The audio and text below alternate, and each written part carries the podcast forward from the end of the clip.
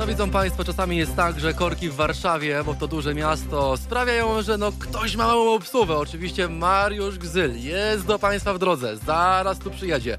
Będzie na pewno za dosłownie kilka minut z nami. Jak do mnie dzwonił, sekund temu kilka, powiedział, że jest na Wisłostradzie i już dojeżdża do redakcji, bowiem korki na Wisłostradzie, na Krajowej Siódemce były tak spore, że przebić swoją alfą się przez ten tłum samochodów nie mógł, więc po prostu, no, jesteśmy na chwilkę razem.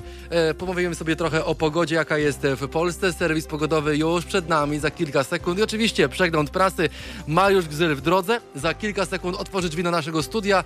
A tymczasem ja Państwa zapraszam na otwarcie godziny 10. Mariusz Gzyl z Państwem dziś od 10 z małym hakiem, ale do 13 punktualnie. Zapraszamy serdecznie.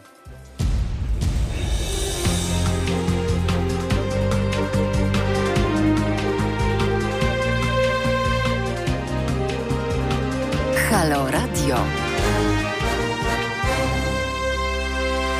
Szanowni Państwo, żeby Mariuszowi się e, gładko i e, bezpiecznie jechało, pomówimy sobie o sytuacji na drogach w e, Polsce i w Warszawie. Dziś w Warszawie drogi bezpieczne, nie są śliskie, nie jest mokro, nie ma na nich śniegu, nawet szronu, bo temperatura w Warszawie dzisiaj jest dodatnia i na plusie. Aż trzy kreski. Najbardziej słoneczne miasto dzisiaj w Polsce to Białystok. Naprawdę zazdrościmy. Miasto dziś spowite dosłownie z każdej możliwej strony promieniami słońca. Tam tylko jeden stopień, ale myślę, że słońce rekompensuje tą stratę. Jak chodzi o Kraków, dziś mm, z Polski prawie że biegun ciepła. Mm, ma termometr dokładnie 5 stopni. E, w dłuższej perspektywie około godziny 12-13 prognozy mówią o stopniach 7 na termometrach mieszkańców Krakowa. Warszawę 1 stopień, 2 maksymalnie w porywach do 3 po godzinie 12 po południu. Poznań z kolei dziś e, cyfra no, bardzo szczęśliwa, bo aż 7 stopni w stolicy Wielkopolski na termometrach. Nigdzie nie pada, nigdzie nie ma mgieł, więc cieszmy się tym grudniowym dniem, siódmy dzień grudnia, dzień po Mikołajkach. Mam nadzieję, że dzieciaki już prezenty otwarły, a jeżeli to zrobiły, to weźmy je na przyjemny spacer po ulicach swojego miasta, bo naprawdę warto korzystać z tak pięknej aury. Ja z kolegą tutaj realizatorem Michałem liczyłem i nadal liczę słoneczne dni w Warszawie. Okazuje się, że mój bilans może być już powoli dodatni, bo to już szósty słoneczny dzień u nas w stolicy od dwóch miesięcy. Mam nadzieję, że każdy kolejny będzie równie piękny i równie przyjemny jak ten dzisiejszy poranek. Szanowni Państwo, jak chodzi o prognozę dla narciarzy na stokach, e, tych, które są dopiero otwarte, a jest ich niedużo, mam tutaj na myśli Krynicę, Zdrój, Rytro, między innymi Zakopane, e, od 20 centymetrów pokrywy białego puchu w Krynicy Zdrój, na stoku w Słotwinach, również zakopane na, na deficyt tutaj już prawdziwego śniegu nie cierpi. Widziałem piękne zdjęcia, które mm, wykonali Państwo na Krupówkach. Do mnie na adres mailowy one również przychodziły. Piękna mm, zimowa aura. Byłaby piękniejsza, myślę, gdybyśmy nie wyrzucali e, setek tysięcy złotych na oświetlenie tak zwanej iluminacji, chociażby w Warszawie e, czy Krakowie, bo po co? No, świetne są piękne, ale te pieniądze chyba możemy zainwestować w inny sposób. Ja tylko napomknę, że pan Trzaskowski zamiast zainstalować mm, kilkadziesiąt tak zwanych inteligentnych skrzyżowań, inteligentnych sygnalizacji świetlnych, wolał tą kasę zainwestować w rozświetlenie Starego Miasta, ulicy Nowy Świat, czy chociażby Krakowskiego Przedmieścia. Co ciekawe, połowa z tej iluminacji już drugiego dnia się zepsuła, po prostu nie działa. Wczoraj chciałem ją zobaczyć na własne oczy i pokazać Państwu, jak mm, wydawane są pieniądze miasta stołecznego Warszawy. No, nie będę robił zdjęć ciemnych punktów, no bo to o niczym nie świadczy. Pójdę tam również dzisiaj przy okazji marszu, mm, nie marszu Marszu e, Kobiet w ramach ogólnopolskiego strajku kobiet, ale o tym za chwilę, bo czas przeglądnąć najświeższe doniesienia z kraju i świata. Świeże newsy, najnowsze doniesienia z prasy, portal OkoPress już po raz trzeci dzisiaj zmienia wydanie swojej czołówki, zmienia główny artykuł, który pojawia się na ich stronie oko.press. Polacy chcą sprawiedliwego systemu podatkowego, obecny daje fory najbogatszym. No to taki ranking, e, myślę, subiektywny, natomiast tutaj dziennikarze OkoPress analizują tą sytuację pod kątem tego, jak Polacy w jaki sposób i, i, gdzie Polacy wyrażali swoją opinię. Otóż okazuje się, że Polacy zauważają, że nasz system podatkowy jest niesprawiedliwy i chcieliby większej progresji, ale jednocześnie chcą, żeby nawet najbogatsi płacili mniej. Tak wynika z badania Polskiego Instytutu Ekonomicznego. Dziś cały system podatkowy działa na korzyść bogatych. Przeczytamy na głównej stronie e, serwisu e, Okopres wydania tuż po godzinie 10. Co dalej w prasie piszczy? Już Państwu mówię. Otóż e, o PiSie i Orbanie mówiliśmy w moim programie. Ale rym. Więc to zostawię do Państwa również rozważenia. Polecam tę publikację, bo naprawdę ciekawe spojrzenie i ciekawa perspektywa mm, e, e, autora, dziennikarza zajmującego się tym tematem w ramach sprzeciwu bez sensu. Taki cykl artykułów również Państwo w serwisie OKO.press znajdą.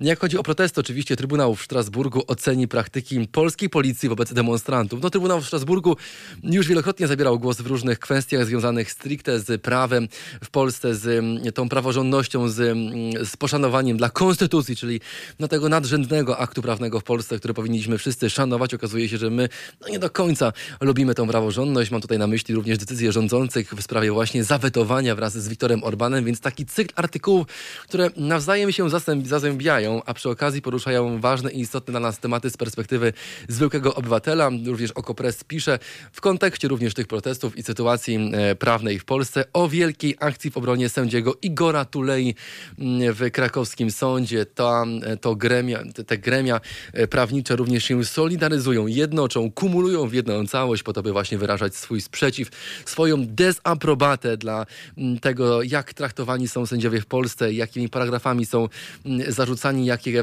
jakie czyny się im również analogicznie oczywiście zarzuca. Tak zwana Izba Dyscyplinarna, która jest krytykowana, która jest nieuznawana przez większość osób związanych z prawem mm, karnym, prawem wykonawczym, prawem cywilnym, jakąkolwiek inną e, działką e, właśnie prawa w Polsce. Dalej orzeka, dalej wzywa do siebie na przesłuchania, dalej wyrokuje.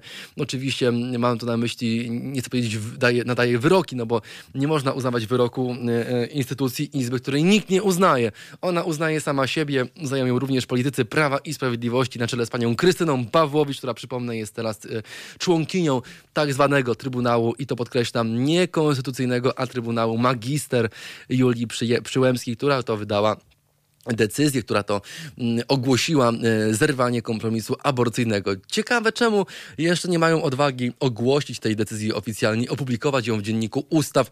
Czy chodzi o protesty? Tego nie wiem. Oczywiście dziś kolejny protest na ulicach Warszawy, protest w ramach ogólnopolskiego, dziś organizowany przez Warszawski Strajk Kobiet. To jest ta podorganizacja, która zajmuje się właśnie organizowaniem, przypomnę, protestów, już nie spacerów, bo tak sami organizatorki i organizatorzy mówią i definiują swoje mm, spotkania na ulicach Warszawy. Czy dziś znów znów pójdzie w ruch gaz, czy będziemy pałowani, czy dziennikarze będą pryskani gazem, czy posłom wyrywać się z rąk będzie legitymacje polskie i immunitety, a w zamian pryskać gazem w oczy, jak to miało miejsce z Barbarą Nowacką na trasie łazienkowskiej. E, dokładnie prawie tydzień temu, to 9 dni temu, to była sobota w ostatni weekend. Tego nie wiem, natomiast wiem, że my będziemy tam z naszym radiowym mikrofonem i na pewno będziemy na bieżąco Państwu relacjonowali, opowiadali to, co dzieje się dziś na ulicach stolicy stolicy. Szanowni Państwo, e, dalej poczytamy sobie Onet, bo tutaj również e, nie mało ciekawych e, treści. Profesor Simon w Europie zaczynają mieć, zaczynają mieć nas za głupich, mieszkających w cudzym kraju. Dla niektórych kontrowersyjne, dla niektórych autentyczne i trafne sformułowanie i cytat z właśnie wypowiedzi profesora Simona, człowieka, który wszem i wobec zabiera głos w zakresie epidemii tego, jak z nią walczyć, tego, jak sobie radzi system opieki medycznej w Polsce właśnie z tą kwestią kwestią. Oczywiście nie zabrakło e, e, analizy, bardzo szerokiej analizy dziennikarskiej, słów pana ojca Rydzyka. Tadeusz Rydzyk o biskupie Janiaku powiedział tak, ksiądz zgrzeszył? No zgrzeszył. No ale kto nie ma pokus, mówi ksiądz Tadeusz Rydzyk wczoraj podczas mszy, na której również, w której bierze udział minister sprawiedliwości. Media to zrobiły i media tak robią. Nie dajmy się katolicy, że na księża jakiegoś zaczną wrzeszczeć i warczeć i jakieś famidło zrobią i wszyscy się trzęsą potem Potem bronił biskupa Edwarda Janiaka ojciec Tadeusz Rydzyk, naczelny wódz toruńskiej, toruńskiego zamku, toruńskiej organizacji, moim zdaniem przestępczej. Nie tylko i wyłącznie moim, bo wielu w opinii różnych księży e, tak należy definiować organizację, którą pan Tadeusz Rydzyk prowadzi. Oczywiście duchowny który został oskarżony o tuszowanie e, pedofilii. E, to jest redemptorysta. E, chodzi oczywiście o pana Rydzyka. Nazwał swojego kumpla po fachu, pana biskupa, już w stanie spoczynku, bo ten sam odszedł jako pierwszy biskup w Polsce ze swojego stanowiska w związku z doniesieniami, informacjami o tuszowaniu właśnie pedofilii. On zrezygnował ze swojej funkcji. Jest to ewenement na skalę na pewno europejską, bo to się często nie zdarza w, tym, w tej dziwnej grupie, jaką tworzą właśnie panowie panowie w czarnych sukienkach. Ten właśnie ksiądz Tadeusz Rydzyk, słynny redemptorysta z Torunia, człowiek, który założył organizację chyba przestępczą w postaci toruńskiego radia i rozgłośni telewizji Trwam. On nazywa e, faceta, który tuszuje pedofilię, współczesnym męczennikiem mediów. No jeżeli faktycznie tak zinterpretujemy sobie o, te słowa, to dojdziemy do konkluzji, że każdy jest męczennikiem, że każdy jest, e, każdy, kto zajmuje się pedofilią, kto jest przestępcą seksualnym, jest automatycznie i analogicznie męczennikiem. Przedziwne zjawisko, e, przedziwna sytuacja, sytuacja wygodna potępienia i ostrej krytyki. Dziwię się, że obecny tam, na, tym, na, tym, na tej mszy minister sprawiedliwości, któremu po prostu pan Rydzyk robił dobrze, mówiąc te słowa, e, e, nie wstał i go po prostu nie aresztował. Choć o areszcie przecież ten sam mówił, że gdyby coś złego zrobił, to przecież pan Ziobro powinien go zamknąć. Dlaczego tego nie zrobił? Tego nie wiem. Myślę, że na te pytania państwo sobie odpowiedzą sami. Jest, już przyjechał prosto z Wisłostrady. Mogę to państwu ogłosić. Jest Mariusz Gzyl. Mariuszu, dzień dobry, witamy. W poniedziałek w Warszawie. Korki na Wisłostradzie. Drodzy Państwo, Mariusz Żyl już gotowy, zwarte i gotowe. 13 minut po godzinie 10. Auto całe? Wszystko w porządku. Parking ogarnięty? Wszystko. No to sobie coś zagrajmy, żeby było miło, a Mariusz już z Państwem Zaraz jesteśmy, e, tak się jest. Dzień na dobry. pewno przywita. Dzień dobry, witam. Halo Radio.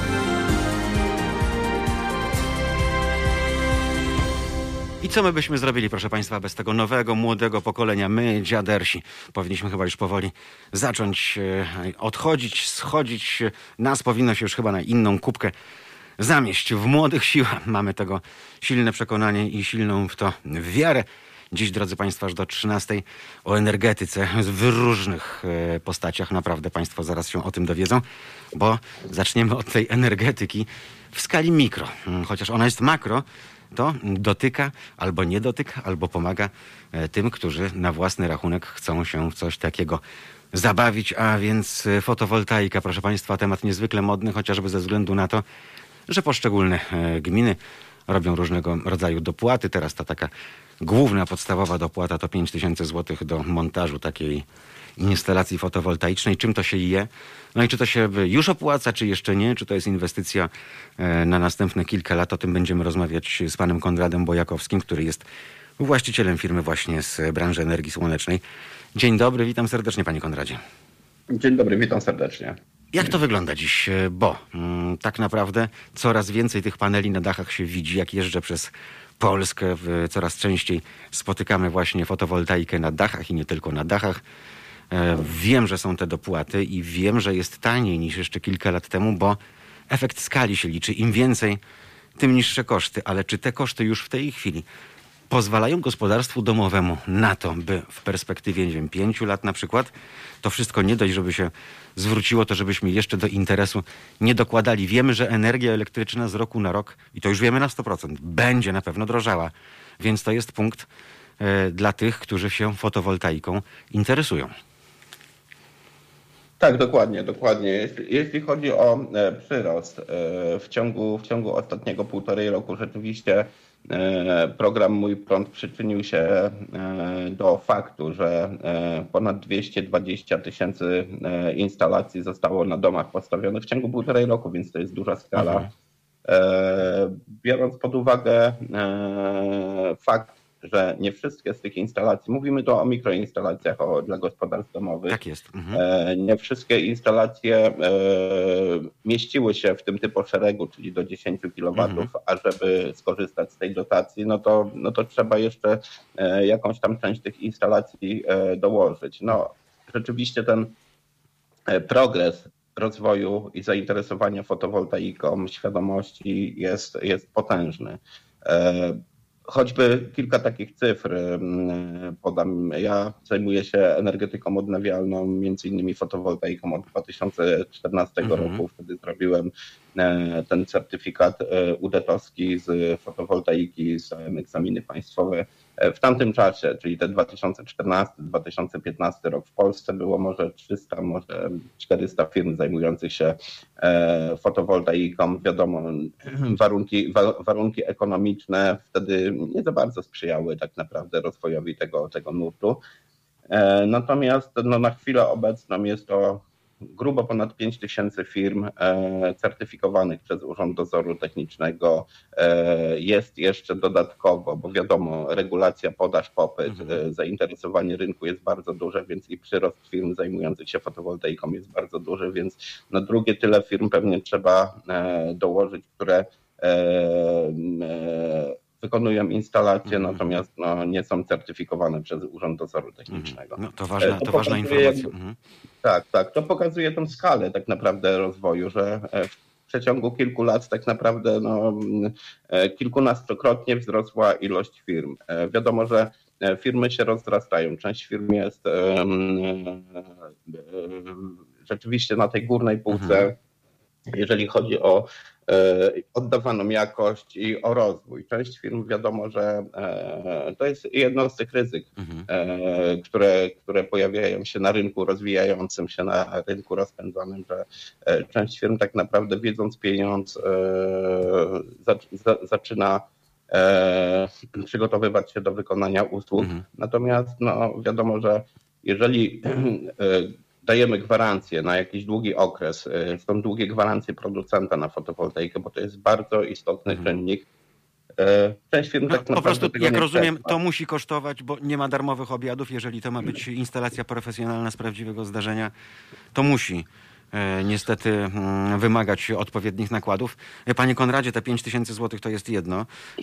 E, są różnego rodzaju kredyty również, żeby to sfinansować, ale dalej to jest no, kilkanaście tysięcy złotych, prawda, w wielu przypadkach, jeżeli, jeżeli chcemy by ta mm, nasza mała elektrownia przydomowa mm, spełniała wszelkie funkcje, więc też na przykład żebyśmy mogli się ogrzewać czy też dogrzewać w zimie, nie tylko korzystać z prądu w postaci, nie wiem, żarówek, sprzętu AGD i tak dalej.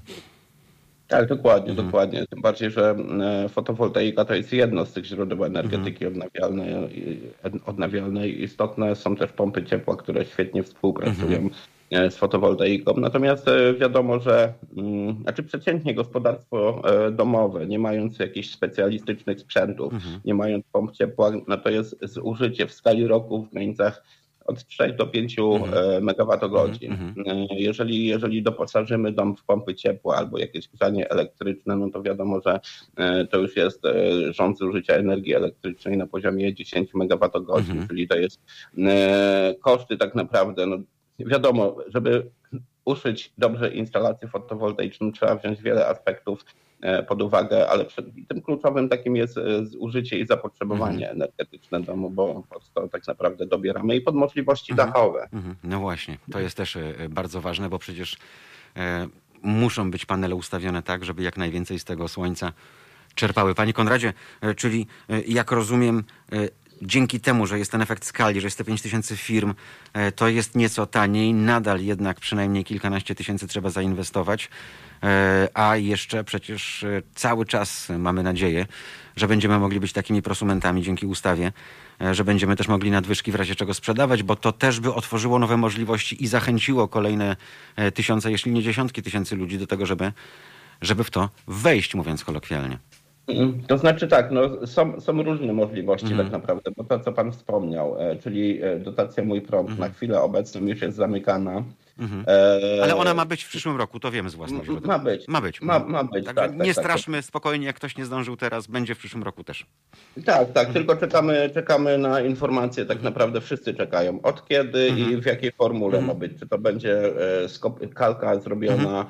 Tego programu drugiego naboru mojego mhm. prądu, czy coś jeszcze, bo są projekty, żeby e, między no, innymi dopłata, elektromobilność dopłata dorzucić. Mhm. Tak, tak, tak, dopłata będzie. No to to jest jeden z czynników. Mhm. Drugi czynnik, który, e, który jest w zasięgu praktycznie każdego, każdego prosumenta, czyli jednocześnie wytwórcy i producenta energii elektrycznej, to jest ulga termomodernizacyjna. To jest e, w zależności od tego, mhm. w jakim progu podatkowym się mieścimy, w jaki sposób rozliczamy, rozliczamy mhm. się z Urzędem Skarbowym, mamy możliwość pomniejszenia e, kwoty opodatkowania mhm. od, warto, od, od, tej wartości. Więc to jest kolejny, kolejne parę tysięcy złotych. Tak, tak. Jeżeli to jest większa instalacja, no to nawet. nawet Tylko dodajmy, to... dodajmy Panie Konradzie, że, że, że wszystko to, e, to są też inwestycje, bo dopłaty czy zwroty to jest potem, prawda? E, To też nie Mhm. jest tak, jakby sobie ludzie wyobrażali, idę po kasę, by zgarniam grosz do grosza e, i inwestuję. Troszkę inaczej to w tej chwili mm, e, wygląda.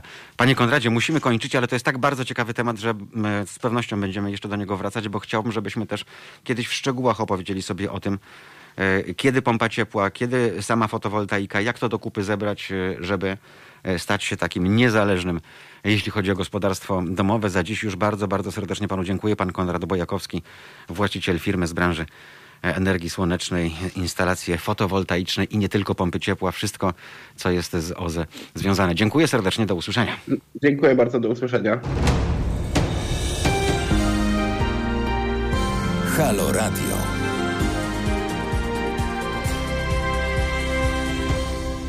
Trzy minuty po pół do jedenastej. E, Przypomnę Państwu, że to już szósty tydzień naszej kampanii społecznej. I ile kosztuje nas Kościół? Od 7 do 12 grudnia nasze kampanijne auto przemierza ulicę Krakowa, a od 13 od niedzieli to e, data, którą chyba znają wszyscy albo powinni znać wszyscy Polacy. 13 grudnia, rocznica wprowadzeniu, wprowadzenia stanu wojennego. Jesteśmy w Wadowicach. E, Dla tych z Państwa, którzy chcieliby nam zrobić małą dolewkę do baku i dołożyć się do oleju napędowego, który nasze kampanijne auto przemierzające większe i mniejsze miasta Polski e, przemierza to. Zachęcamy www.zrzutka.pl ukośnik kampania.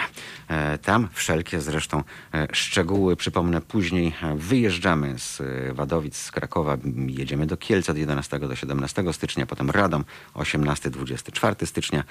No i wracamy na chwilę do centrum, czyli Łódź między 25 a 31, a od 1 do 7 lutego będziemy we Wrocławiu, w stolicy Dolnego Śląska. E, Teraz kontynuujemy nasz e, dzisiejszy temat, temat szeroko pojętej czystej, czystej energii. Pan Michał Izbicki jest z nami. Dzień dobry, witam serdecznie. Dzień dobry, dzień dobry, witam. Kilka jest e, ważnych tematów, jeżeli myślimy o, o energii tej, tej czystej, bo to nie tylko energia ze słońca, o czym mówiliśmy kilka e, minut temu, ale to też energia z wiatru. Przyznam szczerze, że e, przecież już 20 albo więcej lat, e, jeśli jeździmy po Europie, jeśli jedziemy z Bratysławy do Wiednia, e, to dopóki nie było autostrady między tymi dwoma stolicami, trzeba było pod tymi potężnymi wiatrakami się przemieszczać. Robiło to wrażenie. Każdy, kto odwiedzał Skandynawię, widzi, ile tych masztów z wiatrakami stoi tam prawdziwe farmy wiatrowe. Nie ma tak naprawdę miejsca, e, gdzie byśmy się na nie nie natykali. Coraz więcej też e, spotykamy ich w Polsce. Natomiast pytanie, czy możemy być e, ze względu na nasze położenie e, ważnym mm, graczem i czy to może się w polskim przypadku e, udać, e, bo no, wiadomo, Skandynawia, Morze Bałtyckie, potem Morze Północne, e, to są odpowiednie warunki, czyli wiatr i tak dalej, i tak dalej. E, Czy na naszym podwórku to ma szansę na powodzenie? Jasne, e, największy właśnie potencjał do zaspokojenia popytu na energię elektryczną mają morskie farmy wiatrowe. Mhm. E, Są one znacznie bardziej efektywne od farm lądowych i fotowoltaicznych Mhm. i coraz większe turbiny korzystają z lepszych warunków wiecznych z dala od brzegu, dzięki czemu osiągają wysoką wydajność. I jeśli chodzi o morską farmę wiatrową w Polsce, to jeszcze nie istnieje żadna, lecz kilka miesięcy temu PKN Orlen rozpoczął projektowanie właśnie pierwszej morskiej farmy wiatrowej na Morzu Bałtyckim. Mhm. I projektowaniem zajmie się brytyjska firma, z którą współpracuje PKN Orlen, która ma 20-letnie doświadczenie w tej branży i projektuje właśnie morskie farmy wiatrowe dla największych koncernów na świecie. E, Jak powiedział prezes zarządu PKN Orlen, Daniel Obajtek, zbudowanie tej właśnie morskiej farmy wiatrowej to jest taki kluczowy projekt inwestycyjny, który znacząco wzmocni Orlen jako lidera transformacji nie tylko w Polsce, ale też w Europie Środkowej.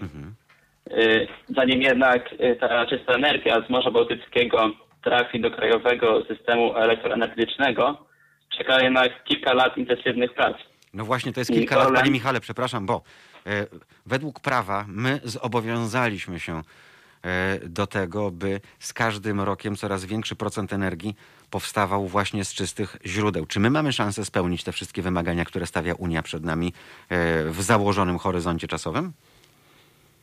No właśnie Unia do 2020 roku chce zwiększyć do co najmniej 20, 32% udział energii ze źródeł odnawialnych I w ramach tego właśnie, w ramach realizacji tego ogó- ogólnounijnego celu na 2030 rok Polska deklaruje osiągnięcie do tego roku 21 do 23% udziału OZE, więc jednak się nie w tych y, ograniczeniach, ale w finalnym y, zużyciu energii brutto, przy czym y, realizacja celu OZE na poziomie 23% będzie możliwa pod warunkiem przyznania Polsce dodatkowych środków unijnych, w tym na sprawiedliwą transformację właśnie.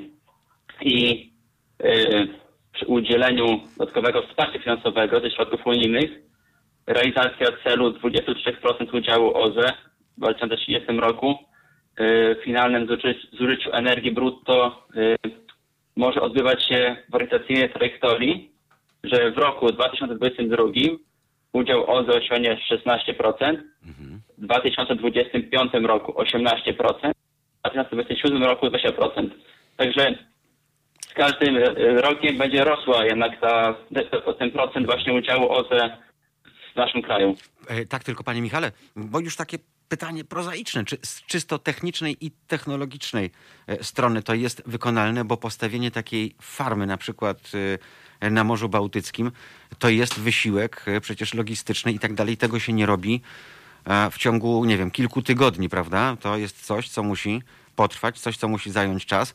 Ergo również, tak jak pan wspomniał na samym początku naszej rozmowy, zanim to trafi do, e, do naszej sieci energetycznej, e, to też to wymaga odpowiednich inwestycji, prawda? Żeby to wszystko się udało, żeby można było to spiąć i żeby to razem zagrało. E, Jest pan e, przekonany o tym, że my e, po prostu damy sobie radę, że mamy odpowiednich e, ludzi, odpowiednie kwalifikacje, odpowiednie zasoby ludzkie e, i ich liczbę, żeby to wszystko się udało? E, Myślę, że tak, tym bardziej właśnie, że PKN Orlen e, zainwestuje łącznie 25 miliardów złotych e, w projekty właśnie umożliwiające redukcję działania na środowisko i otwarcie nowe modele biznesowe właśnie w tym sektorze morskich farm wiatrowych. Tak samo PGE, ta polska grupa energetyczna, e, też chce inwestować właśnie w morskie farmy wiatrowe i już mają właśnie plany, że do 2040 roku y, osiągną 6,5 gigawata mocy właśnie zainstalowanej na Bałtyku. Także jest to bardzo obiecujące no, prognozy. No, prognozy są obiecujące, oby nie zabrakło rąk i głów, żeby to wszystko zrealizować, tak? Bo to jest w tym momencie, w tym momencie najważniejsze. Przypomnijmy, że e, to Unia Europejska, e, na co my się zgodziliśmy jako część unijnego organizmu, zadecydowała, jak to ma wyglądać, e, jeśli chodzi o rozłożenie w czasie i w jakim czasie mamy osiągnąć ten odpowiedni procent uzyskiwania e, energii z OZE. E, Czy pańskim zdaniem już tak na koniec e, będzie potrzebna nowa ustawa o OZE?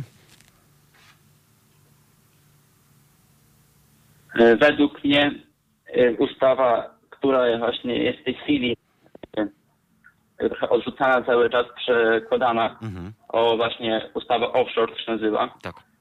jest dobrą ustawą, jeśli chodzi właśnie o logiczne przemyślenie, tylko według mnie powinna być bardziej y, jakby doprecyzowana, jeśli chodzi właśnie o te firmy, które chcą ją realizować. Jeśli No chodzi właśnie o budowę tych farm. No, pytam o to dlatego, że tak jak pan wspomniał, to są miliardowe inwestycje, więc e, ważne, żeby prawo bardzo jasno wszystko e, to określało. E, Pan Michał Izbicki był państwa i naszym gościem. Bardzo serdecznie dziękuję za tę rozmowę. Halo Radio. Gadamy i trochę gramy.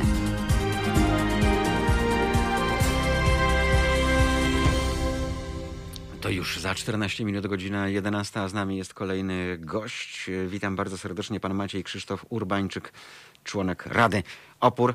Panie Macieju, słyszymy się, dzień dobry. Dzień dobry. Państwo zapowiadają duży, duży protest na 13 grudnia. 13 grudnia to dla dużej części Polaków, tych co pamiętają, tych co się interesują historią, data niezwykle ważna. Jakby tego było mało, panie Macieju, 13 grudnia, tak jak w 1981 roku, w tym roku wypada także, także w niedzielę. E, państwo zapowiadają na ten dzień strajk, e, protest. E, Jak to ma wyglądać? Znaczy, ma to wyglądać bardzo prosto, ale świetnie, że pan nawiązał do, do tych dat i że rzeczywiście wy, wypada to w niedzielę, czyli można powiedzieć, no jest taka reminiscencja.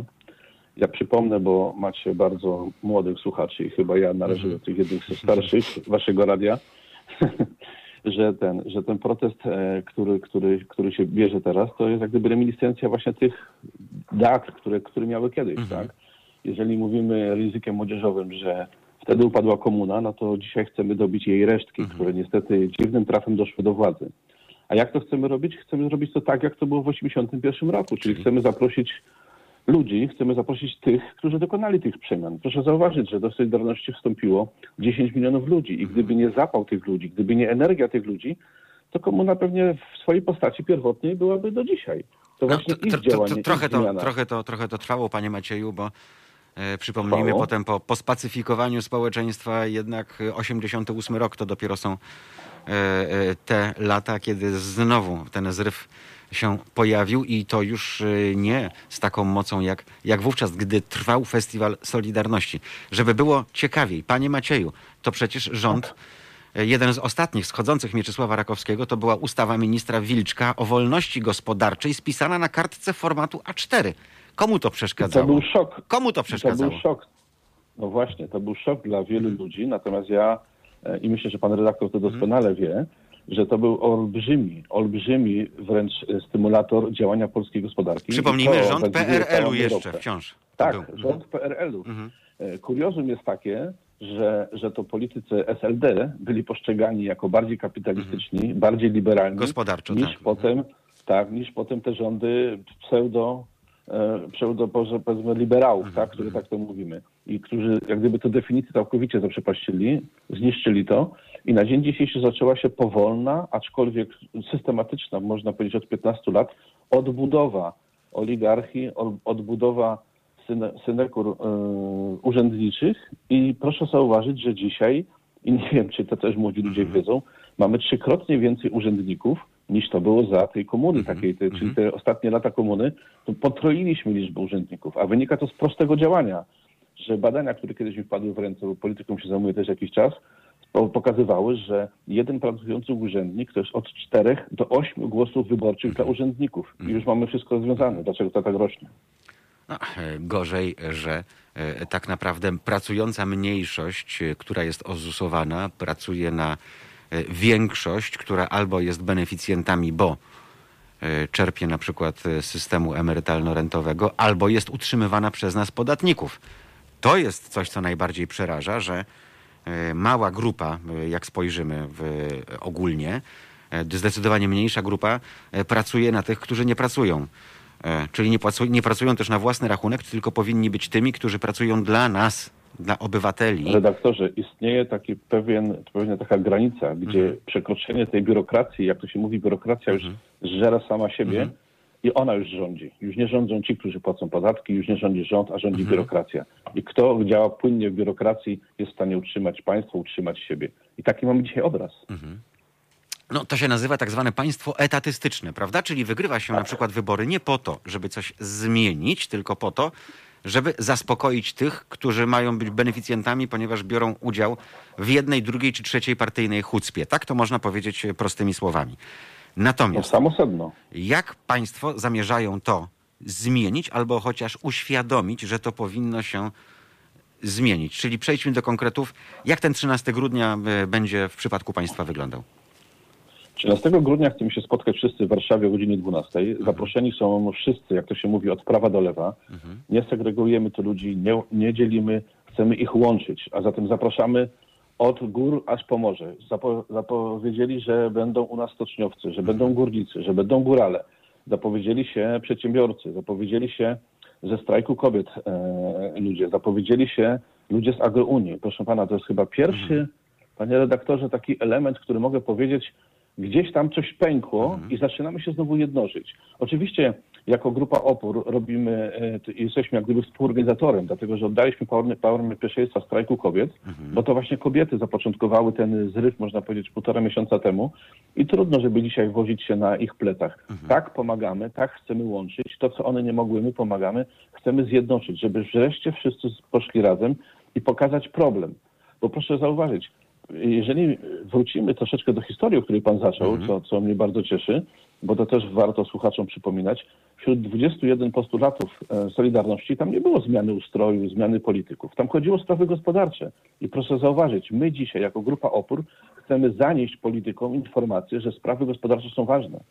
Bo to, o czym pan wspomniał, No, e, te podatki nie Panie Macieju, ale e, przecież działania. oprócz takich typowo socjalistycznych postulatów, bo chodziło o socjalizm z ludzką twarzą. Ja wiem, że Tak. znowu młodzież się może zdziwić i nie wie za bardzo o co chodzi, e, ale tam też e, był postulat, żeby wielkimi przedsiębiorstwami zarządzano przy pomocy e, rad pracowniczych, żeby one też miały wpływ, prawda?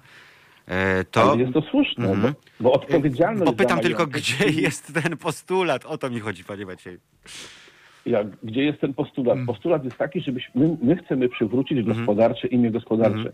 Walczymy o powszechny samorząd Mhm. gospodarczy, który wraz z samorządem lokalnym, który może też przypomnę młodym ludziom, jest jedyną praktycznie dobrze zrealizowaną reformą. Mhm. Bo wiemy, co się działo z OFE, wiemy, co się działo z innymi rzeczami. Ale samorząd gospodarczy w Polsce się sprawdził i dzisiaj też jest wrogiem rządu. Zatem rząd, który dzisiaj jest, jest wrogiem wszystkiego, co nie jest centralne, czyli zatoczyliśmy koło. Dzisiaj mamy znowu ten 81 rok, 89, kiedy trzeba pokazać rządzącym, że oni są naszymi przedstawicielami, Mhm. Macieju- a nie my jesteśmy Mhm. ich poddanymi. Gdybym e, był adwokatem diabła, to bym powiedział, że e, mają państwo konstytucję dla biznesu.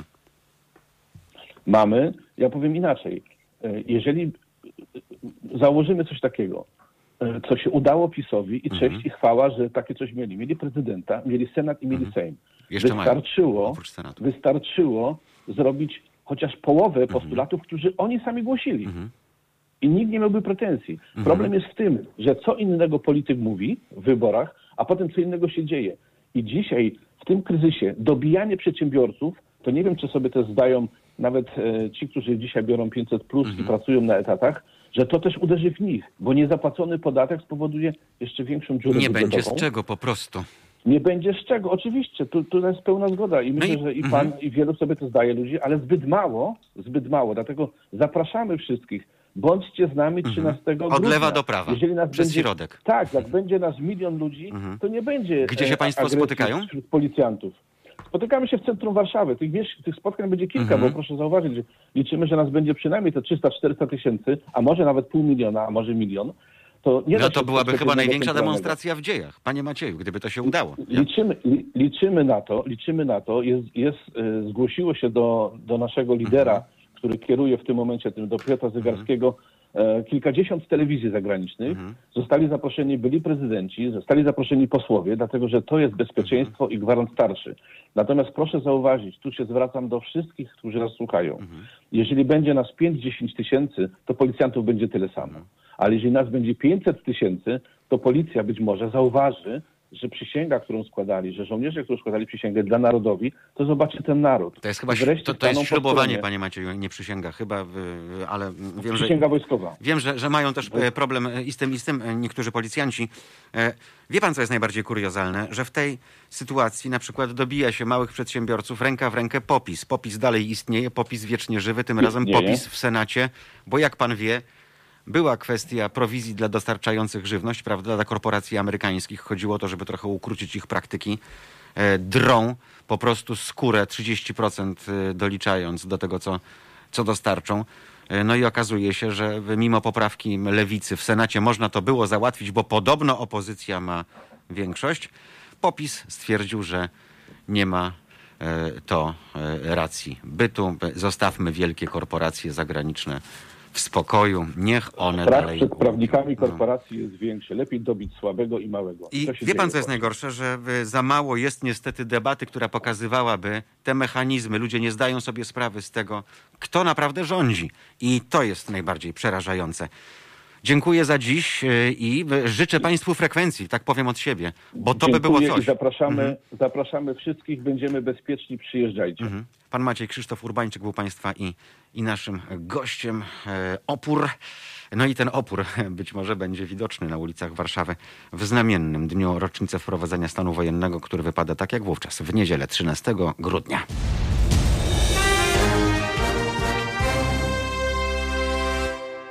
Tej chwili mamy już 3 minuty po godzinie 11. To jest Halo Radio, prosto z Warszawy, z ulicy Marszałkowskiej pod dwójką. Drodzy Państwo, słońce w bardzo wielu regionach kraju.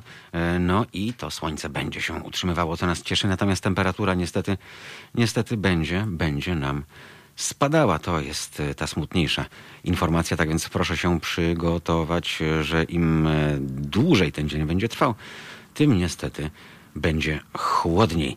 Jak chłodniej? No, w tej chwili jeszcze mamy po 3, 4, 5 stopni w niektórych miastach, w niektórych regionach. Natomiast ściana zachodnia to jest e, miejsce, gdzie od Koszalina przez Szczecin, Gorzów Wielkopolski, Zieloną Górę i e, Dolny Śląsk, czyli Wrocław, okolice, a także Opolszczyzna, to będzie najcieplejszy region kraju dzisiaj, szanowni państwo. Tam e, nawet 6-7 stopni Celsjusza, a więc będzie można nawet troszkę szaliki po, poluzować, jeżeli ktoś będzie miał na to, na to ochotę. Niestety, im dalej na wschód, tym, tym chłodniej, a na wschodzie E, oczywiście e, łódzkie, e, mazowieckie. Tutaj temperatura w okolicach zera, co jest bardzo ważne, drodzy Państwo, bo po pierwsze ma nie padać, ale wszędzie tam, gdzie było do tej pory wilgotno, tam asfalt może się zaszklić. Proszę więc bardzo, bardzo uważać, bo gdzie niegdzie przy gruncie temperatura może delikatnie poniżej zera spaść, a to oznacza, że tam, gdzie ten asfalt wydaje się czarny i szorstki, E, może okazać się zwykłym lodowiskiem. Wystarczy chwila nieuwagi i, i lecimy albo wjeżdżamy komuś, komuś w kufer. E, najchłodniej oczywiście na naszym biegunie zimna, czyli Suwalszczyzna. E, tam trzy kreski poniżej zera, podobnie zresztą w Białym Stoku, nieco cieplej w Lublinie minus, minus dwa, a na Rzeszowszczyźnie także w okolicach, w okolicach zera. Tak więc jak na siódmy dzień grudnia to całkiem, całkiem nieźle. Mamy wciąż ten kredyt od pogody w postaci braku intensywnych opadów śniegu na przykład, bo myślę, że to by nas najbardziej sparaliżowało. Jak zwykle czytalibyśmy, że zima zaskoczyła drogowców. A przypomnę Państwu też, że to już szósty tydzień naszej kampanii społecznej Ile kosztuje nas Kościół? A co to oznacza? No to oznacza, że od dziś aż do 12 grudnia nasze kampanijne auto przemierza ulicę, uwaga, uwaga, tam gdzie hejnał grają co godzinę. Krakowa, tak, dobrze Państwo trafili. Kraków e, w tym tygodniu, e, o, do, ale do, do soboty, bo, bo w niedzielę będzie 13. Ten 13, czyli 13 grudnia, czyli rocznica wprowadzenia stanu wojennego, też w niedzielę. No i wówczas będziemy w Mekce czyli w Wadowicach. 13 grudnia jesteśmy w Wadowicach. Tam zauważą Państwo nasze auto z wielkimi napisami, ile kosztuje nas Kościół? No odpowiedź jest dosyć prosta, niestety i bardzo smutna, bo około 20 miliardów złotych. Szokujące, prawda? E, dodam tylko, że na przykład w Szczecinie na katechetów, na lekcje religii, na utrzymanie tego wszystkiego idzie około 15 milionów złotych rocznie z naszych, z naszych podatków. Tak, tak, tak. Płaci za to płaci za to samorząd. A więc proszę sobie wyobrazić, ile kilometrów ulic można byłoby za to, za te 15 milionów wyasfaltować. Naprawdę dużo. No a skoro już mówimy o tej naszej, o tej naszej podróży, mm, no to niestety nie mamy auta zeroemisyjnego, czyli takiego na prąd. E, chociaż prąd też kosztuje, e, w przypadku elektromobilności jest zdecydowanie korzystniejszy. No nie, my napędzamy się silnikiem diesla, a ten diesel troszkę oleju napędowego połyka. Dlatego bardzo, bardzo prosimy Państwa, e, chwila, to naprawdę nie zajmuje e, długo, żeby dorzucać się nam do tego baku, żebyśmy mogli po sam korek zatankować. www.zrzutka.ukośnik kampania. Tam Państwo znajdą wszelkie szczegóły, każde kilka złotych się liczy. Mm, a co potem, co w e, następnym tygodniu, mm, od 14, no wówczas przejedziemy sobie autostradą a4 pewnie e, do Katowic i tam będziemy od 14 do 20 grudnia w stolicy Górnego Śląska. Później troszeczkę luzujemy, no bo wiadomo, no taki okres, e, kiedy jedni obchodzą jedne święta, drudzy drugie, a trzeci trzecie. E, a potem dla wszystkich wspólny jest nowy rok, więc taki czas na, na oddech w tym smutnym czasie. Później od 4 do 10 stycznia, zgodnie z zapowiedzią tego się trzymamy, w sposób e, bardzo, bardzo, bardzo precyzyjny od 4 do 10 stycznia, gdzie jesteśmy w najważniejszym mieście Polski, w najświętszym, czyli w Częstochowie. Będziemy krążyć wokół Jasnej Góry i nie tylko, czyli po Nowym Roku e, widzimy się właśnie tam. No a dalej, dalej od 11 do 17 stycznia jesteśmy w Kielcach, potem zmierzamy siódemeczką do Radomia od 18 do 24 stycznia. No a dalej, dalej centralna Polska, czyli Łódź. Wspaniałe miasto, miasto, po którym może no niezbyt wygodnie się jeździ, ale jak już się jeździ, to się jeździ fajnie, bo ono ma bardzo ciekawy układ, taki jak Paryż, czyli takie ulice gwiaździście się rozchodzą. Taki był zamysł zresztą, gdy urbaniści postanowili tę wieś na miasto zamienić. No a z Łodzi, z Łodzi pojedziemy tam, gdzie jest najcieplej zazwyczaj, czyli, czyli do Wrocławia od 1 do 7 E, lutego. E, zrzutka.pl, ukośnik, kampania. Pamiętają Państwo, ten adres to jest tam, gdzie Państwo mogą e, dosypać trochę grosiwa, a my za te grosiwo możemy zatankować. No i zależy nam na tym o tyle, że, że chcielibyśmy, by ta kampania trwała, trwała nieprzerwalnie, by można było jeszcze też mniejsze miasta, miasteczka odwiedzać w Polsce E, tak żeby jak najwięcej osób zobaczyło to, to nasze auto, a e, tak naprawdę, e, żeby im nasze hasła zawarte na tym samochodzie zapadły. W pamięć, ile kosztuje nas Kościół? No niestety 20 miliardów, o 20 miliardów za dużo. Ile by to nie było, to moglibyśmy powiedzieć za dużo. www.zrzutka.pl ukośnik, ukośnik kampania. Cóż, e, niestety, e, takie mamy czasy, musimy się wspomagać e, i mam nadzieję, że, że tej szczodrości u Państwa nie zabraknie. Są Państwo z nami, jest, jest Pan Sławomir, jest Pan Marek, jest Metalo, są wszyscy, wszyscy inni, jest Pani Danuta. Dużo Państwa, Państwo ślą serdeczności, pozdrawiają, my również w drugą stronę.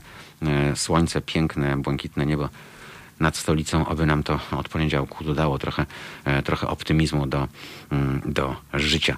E, tak naprawdę, drodzy Państwo, dziś e, mówimy dużo na tematy związane z energią, na tematy związane z czystą energią ponieważ to jest o tyle ważne, że nie mamy wyjścia. Tyle Państwu powiem, wcześniej czy później to nas dopadnie. Dopadnie nas dlatego, że zobowiązaliśmy się do tego, by powoli od węgla odchodzić, zamieniać to wszystko na, na czyste źródła energii. Czy to będzie fotowoltaika, czy to będą farmy wiatrowe. No, to wszystko e, razem zebrane do kupy ma nam dać e, odpowiedni potencjał. Jak Państwo słyszeli, mówił o tym nasz e, gość w poprzedniej godzinie. Te 30% mamy podobno osiągnąć. Jak to będzie? Tu mam duże wątpliwości, szczerze mówiąc, bo widzimy, jak na przykład budujemy autostrady, prawda? E, gdzie też e, miało być pięknie, a potem się okazało, że otwarcie autostrady to tak naprawdę jej przejezdność. Przejezdność oznaczała, że e, nie było tam pełnej infrastruktury. No i tej infrastruktury do dzisiaj, do dzisiaj nie ma, więc oby tak nie było z tymi wszystkimi farmami, że oto poustawia się maszty, pomontuje wiatraki, mm, a przecież to wszystko trzeba jeszcze spiąć z siecią, prawda? A sieci elektroenergetyczne też, między nami mówiąc, wymagają odpowiednich inwestycji. E, bo wiele z nich e, no, powstało w epoce słusznie minionej, w związku z czym e, tak naprawdę wymagają one też modernizacji. O tym mało kto, mało kto mówi. I tak a propos, mm, sprawdziłem jak to wygląda w innych częściach świata, tym bardziej, że tak naprawdę mm, słońce, wiatr to nie są jedyne źródła i bardzo, bardzo poważnie są rozpatrywane mm, inne E, rodzaje e, energii i muszę Państwu powiedzieć, że szukałem daleko, a potem się okazało, że najciemniej jest pod, pod latarnią, bo e, na bizblogu na spidersweb.pl możemy przeczytać bardzo cieplutki, bardzo świeżutki tekst z wczoraj Michała Tabaki, który zna się na, na rzeczy, a mm, w tym tekście czytamy, że, że Szkocja jako pierwszy kraj na świecie niebawem rozpocznie testy dotyczące zielonego wodoru.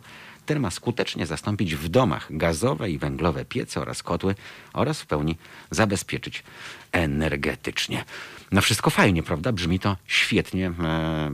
E, moim zdaniem też e, powinien być dalszy rozwój pracy nad pojazdami wodorowymi, bo mm, one też e, miały bardzo, bardzo przekonujące wyniki i E, stacje na wodór są na przykład w Kalifornii, tak, gdzie niegdzie są, są w Niemczech. Różne korporacje, różne koncerny prowadziły badania i wypuszczały konkretne modele przystosowane do tego, by były napędzane e, wodorem. Bruksela nieprzypadkowo do jednego worka wrzuca wszystkie paliwa kopalne, dołączając tym samym do węgla ropę i gaz ziemny. Korzystanie z tych surowców zawsze bowiem wiąże się z emisją gazów cieplarnianych, co jest fundamentem następujących zmian klimatycznych. To wszyscy e, wiemy. No i teraz e, właśnie w Szkocji wpadli na to, że e, spróbują z wodorem, bo skoro da się auto napędzić, to dlaczego ma się nie dać e, tym wodorem mm, napędzić ogrzewania w gospodarstwach domowych. I tak, w ramach wodorowego projektu pierwsze tego typu na świecie projekty będzie prowadziła szkocka firma gazownicza, która wyposaży domy w hrabstwie Five w bezpłatne systemy ogrzewania wodorowego i specjalne piece i kominki. Takie instalacje, donosi Michał Tabaka, w sumie mają trafić do 300 domów i będą działać przez 4 lata. Wtedy poznamy odpowiedź, czy faktycznie wodór może pomóc całej Wielkiej Brytanii w sukcesywnym ograniczaniu emisji przede wszystkim dwutlenku węgla, ale też metanu. Sprawa jest traktowana priorytetowo, a brytyjski regulator energii Ofgem przeznacza 18 milionów funtów na sfinansowanie tego e, projektu. Będzie więc bardzo, bardzo mm, e, ciekawe. E, dyrektor mm, Hydrogen Transportation mówi, pan Anthony Green, takie projekty mają kluczowe znaczenie, jeśli mamy dostarczyć energię niskoemisyjną niezawodnie i bezpiecznie wszystkim odbiorcom. W tej chwili no, to jest taki podobny bilans y, jak, y, jak i u nas. 85% domów y, w, na terenie Wielkiej Brytanii ogrzewanych jest albo piecem gazowym, albo kotłem węglowym. No i tutaj oni upatrują właśnie szansę w wodorze. Po drodze nie brakuje jednak przeszkód, jak tych wskazujących, że elektroliza wodorowa jest efektywna tylko w około 80%, czyli 20% energii elektrycznej użytej do wytworzenia jest marnowane. No i teraz hit bo to Szkocja, prawda? Kraj innowacyjny, e, wszystko się zgadza, e, wcale nas to nie dziwi. Okazuje się, że e, szukając daleko, przegapiamy to, co się dzieje u nas. Pszczyna, drodzy Państwo, to już króciutko. Pszczyna to jest, przypomnę, miejsce, które jest urokliwe, zielone. Teoretycznie powinniśmy tam oddychać pełną piersią, ale jak przychodzi okres grzewczy, to pszczyna jest no, w ścisłym topie, w takim top 5, jeśli chodzi o najbardziej trujące i zatrute regiony E, i miejsca, miejsca w Polsce, podobnie jak Oświęcim, e, jak Kraków. E, tam naprawdę nie da się oddychać bez narażenia się na utratę zdrowia. I oto właśnie w tejże pszczynie ma być też prowadzony tego typu projekt. O energetycznym wykorzystaniu wodoru coraz głośniej częściej mówi się także w Polsce i to właśnie dzięki mm, temu Pszczyna ma stać się pierwszym miastem w kraju, uwaga, z zerową emisją. Dariusz Skobol, burmistrz tego miasta, przyznaje, że opublikowana w lipcu przez Komisję Europejską strategia, która dotyczy wodoru dla Europy neutralnej i dla klimatu, była jak wiatr w żagle. Podobnie jak zaproszenie Pszczyny do pilotażowego projektu wodorowego firm, które już współpracowały przy okazji modernizacji bloków energetycznych w Łodzi i Poznaniu. I teraz jakie różnice między Szkocją a Pszczyną? Mm, pszczyński projekt rozpisany jest na 5 lat i ma dotyczyć zarówno wymiany źródeł ciepła na te oparte na wodorze w gospodarstwach indywidualnych, jak i na przykład komunikacji miejskiej. Teraz miasto zamierza starać się w Brukseli o stosowne fundusze i jak najbardziej jest to możliwe. Przecież szacuje się, że łączne nakłady na inwestycje w odnawialny wodór w Europie mogą sięgnąć, uwaga, nawet 470 miliardów e, euro. Brzmi to ciekawie, no i bardzo byśmy chcieli, żeby Pszczynie się powiodło, tak jak powiodło się w Jaworznie, gdzie przez lata, przez dekadę pracowano nad tym, e, jak doprowadzić do sytuacji, w której można ogłosić sukcesem e, program Zero Ofiar. E, tam po prostu zlikwidowano przejścia dla pieszych w tych miejscach, w których należało to zrobić i wykopano przejścia podziemne. Zabezpieczono skrzyżowania, oznakowano odpowiednio, przebudowano infrastrukturę, efekt nikt nie zginął. E, przez 18 miesięcy e, w Jaworznie. E, oby to się też udało w Pszczynie. Powiem Państwu szczerze, że już dziś po zakończeniu audycji ja będę do pana burmistrza dzwonił, bo chciałbym się naprawdę dowiedzieć bezpośrednio od niego, jak to wygląda na miejscu i czy nie brakuje ludzi, którzy są takimi prawdziwymi zapaleńcami, pasjonatami, którzy doprowadzą to do końca, żeby znowu nie było tak jak w Polsce, że coś będzie na gumkę, recepturkę, że wielkie hura, mm, a potem to się gdzieś rozejdzie rozejdzie po, po kościach. E, będziemy o tym też, e, mam nadzieję, rozmawiać z naszymi, z naszymi e, gośćmi, bo przypomnę, że dziś przed nami jeszcze w naszym programie do 13 mm, spotkanie między innymi z profesorem, doktorem habilitowanym, inżynierem Waldemarem Korzeniowskim. Też będziemy właśnie rozmawiali o tym, no i o znaczeniu węgla w polskiej gospodarce, bo wiadomo, że te pokłady jeszcze nam wystarczą na 50 lat mniej więcej. Tyle, że mm, prawdopodobnie wcześniej będziemy musieli się z tego mm, wycofać. E, będzie też naszym gościem pani dr Helena Bulińska, stan grecka. E, no i będzie też e, pan Paweł Czochra, z którym na sam koniec porozmawiamy o szczepionkach okiem obywatela, o medialnych przekazach rządu. No i o nieprzygotowaniu rządu i jednoczesnych zapewnieniach premiera Mateusza Morawieckiego. Przypomnę Państwu, od dzisiaj szczepienia miały ruszyć w Wielkiej Brytanii. Wszyscy, wszyscy czekamy na, na to, bo dane są naprawdę cały czas zastraszające. W tej chwili 18 minut po godzinie 11.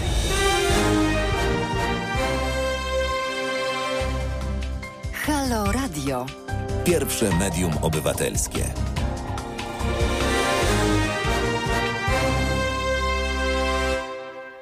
Pół minuty, drodzy Państwo, będzie pół do dwunastej, a więc e, tam dużo schodków w Krakowie na tę wieżę mariacką. Ten pan pewnie już zaczął e, obcasami stukać. E, my natomiast nie stukamy, my przedstawiamy Państwu rzeczywistość na podstawie tego, co się dzieje wokół, a dzieje się naprawdę, naprawdę wiele. Jednak zacznijmy od tego, by przypomnieć Państwu, że przenosimy się, przenosimy się z Patronite'a patronite.pl na zrzutkę.pl.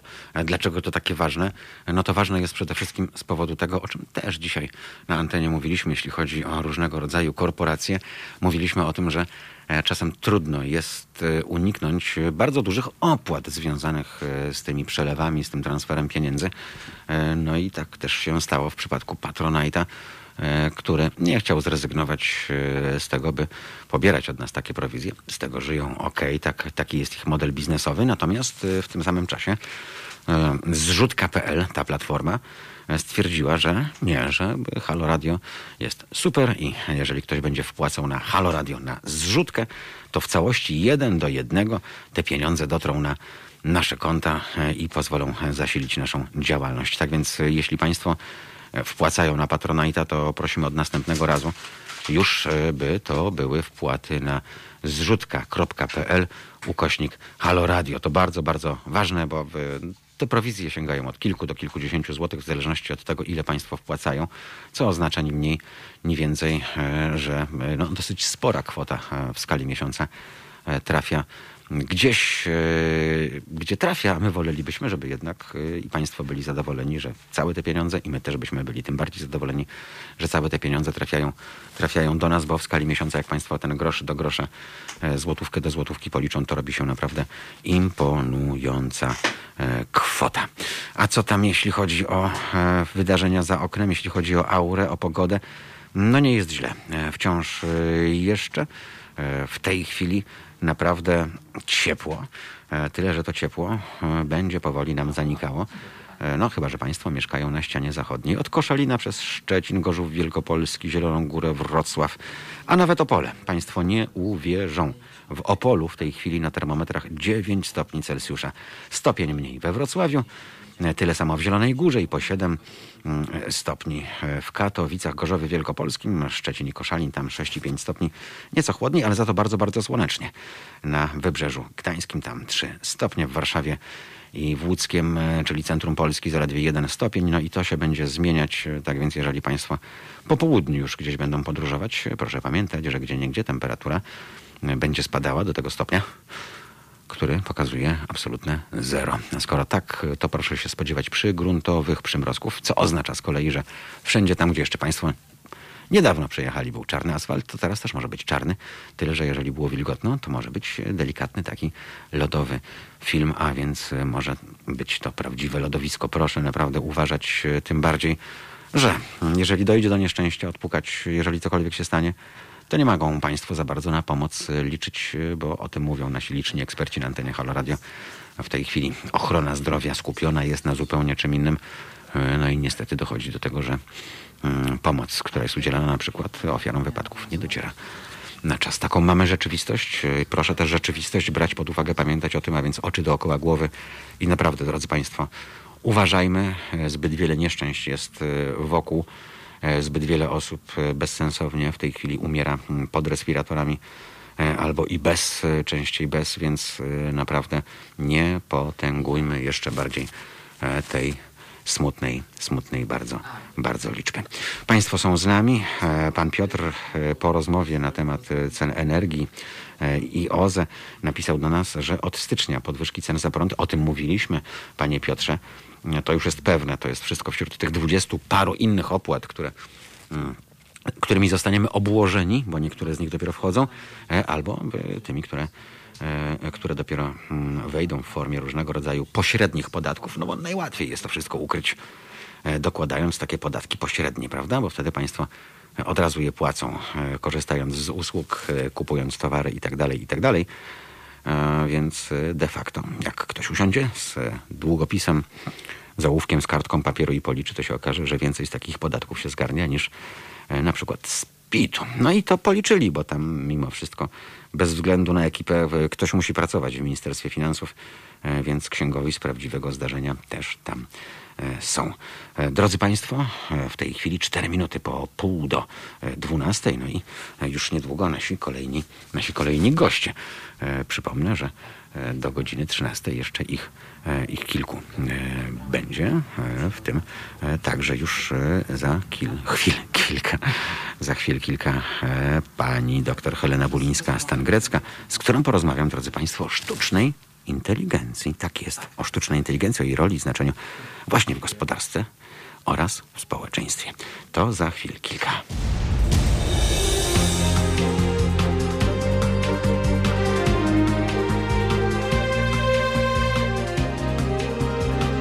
Halo Radio. To już 8 minut po pół do 12. To jest Halo Radio z Warszawy, z Marszałkowskiej, pod dwójką, całkiem niedaleko Placu Politechniki, no i samej Politechniki. No i właśnie w tej chwili łączymy się z panią doktor Heleną Bulińską-Stangrecką, która jest adiunktem e, na Politechnice e, Warszawskiej, a rozmawiać będziemy, drodzy Państwo, o sztucznej inteligencji. E, Dlaczego? No bo czy Państwo tego chcą, czy nie? Ta sztuczna inteligencja już nas otacza. Państwo bardzo często nawet nie mają świadomości, że ta sztuczna inteligencja działa. To nie jest pieśń przyszłości, to jest coś, co już w tej chwili jest wykorzystywane. Całkiem często niestety wykorzystywane jest też w niecnych celach, ale e, o tym, jak to wygląda w rzeczywistości, e, porozmawiamy właśnie z panią doktor, która już jest z nami. Pani doktor Helena Bulińska-Stangrecka. Dzień dobry. E, Dziękuję za zaproszenie. Dzień Bardzo dobry. mi miło. Witam serdecznie. Pani doktor, e, sztuczna inteligencja to nie jest nic nowego, mm, natomiast sztuczną inteligencją, ze sztuczną inteligencją szerzej, e, wszyscy chyba spotkali się, gdy były poprzednie wybory prezydenckie w USA, no i gdy tam doszło do pewnych kombinacji, mm, do pewnych nacisków, i okazało się, że mm, wiele takich narzędzi, które powodowały to, że na przykład przekierowywano wyborców e, albo uprawiano tam taką czy inną propagandę, oparte było właśnie na sztucznej inteligencji. Więc najpierw usłyszeliśmy o niej e, z tej ciemniejszej, tak, z tej ciemniejszej strony, jak to bardzo ta technologia się rozwinęła i jak bardzo trzeba uważać, e, ponieważ to jest tak inteligentna sztuczna inteligencja, że potencjalny odbiorca e, tych wszystkich treści i po prostu odbiorca nawet nie zdaje sobie z tego sprawy.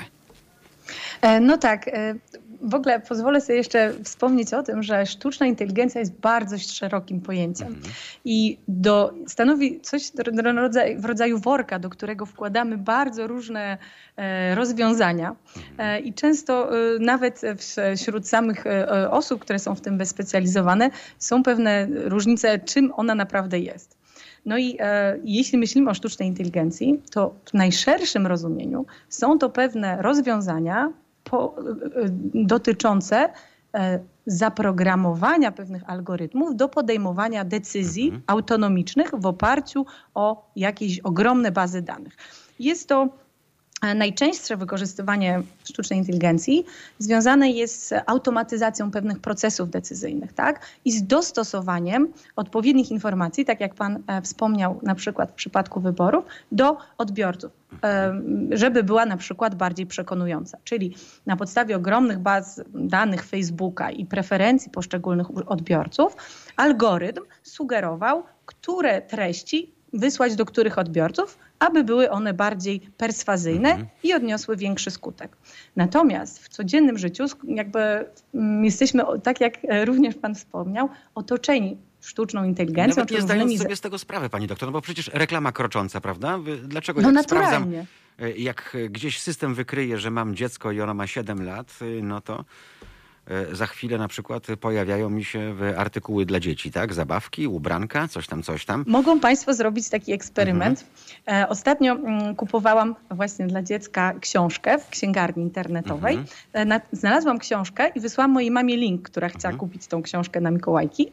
E, I ta książka, po tym jak ja już ją oglądałam dosyć wnikliwie, od razu wzrosła o, gro, o, zł, o złoty 20, tak? Mhm. Ponieważ algorytm dostał, czyli takie zastosowanie na przykład właśnie w analizie zainteresowania, dostał informację, że jest popyt na tą książkę.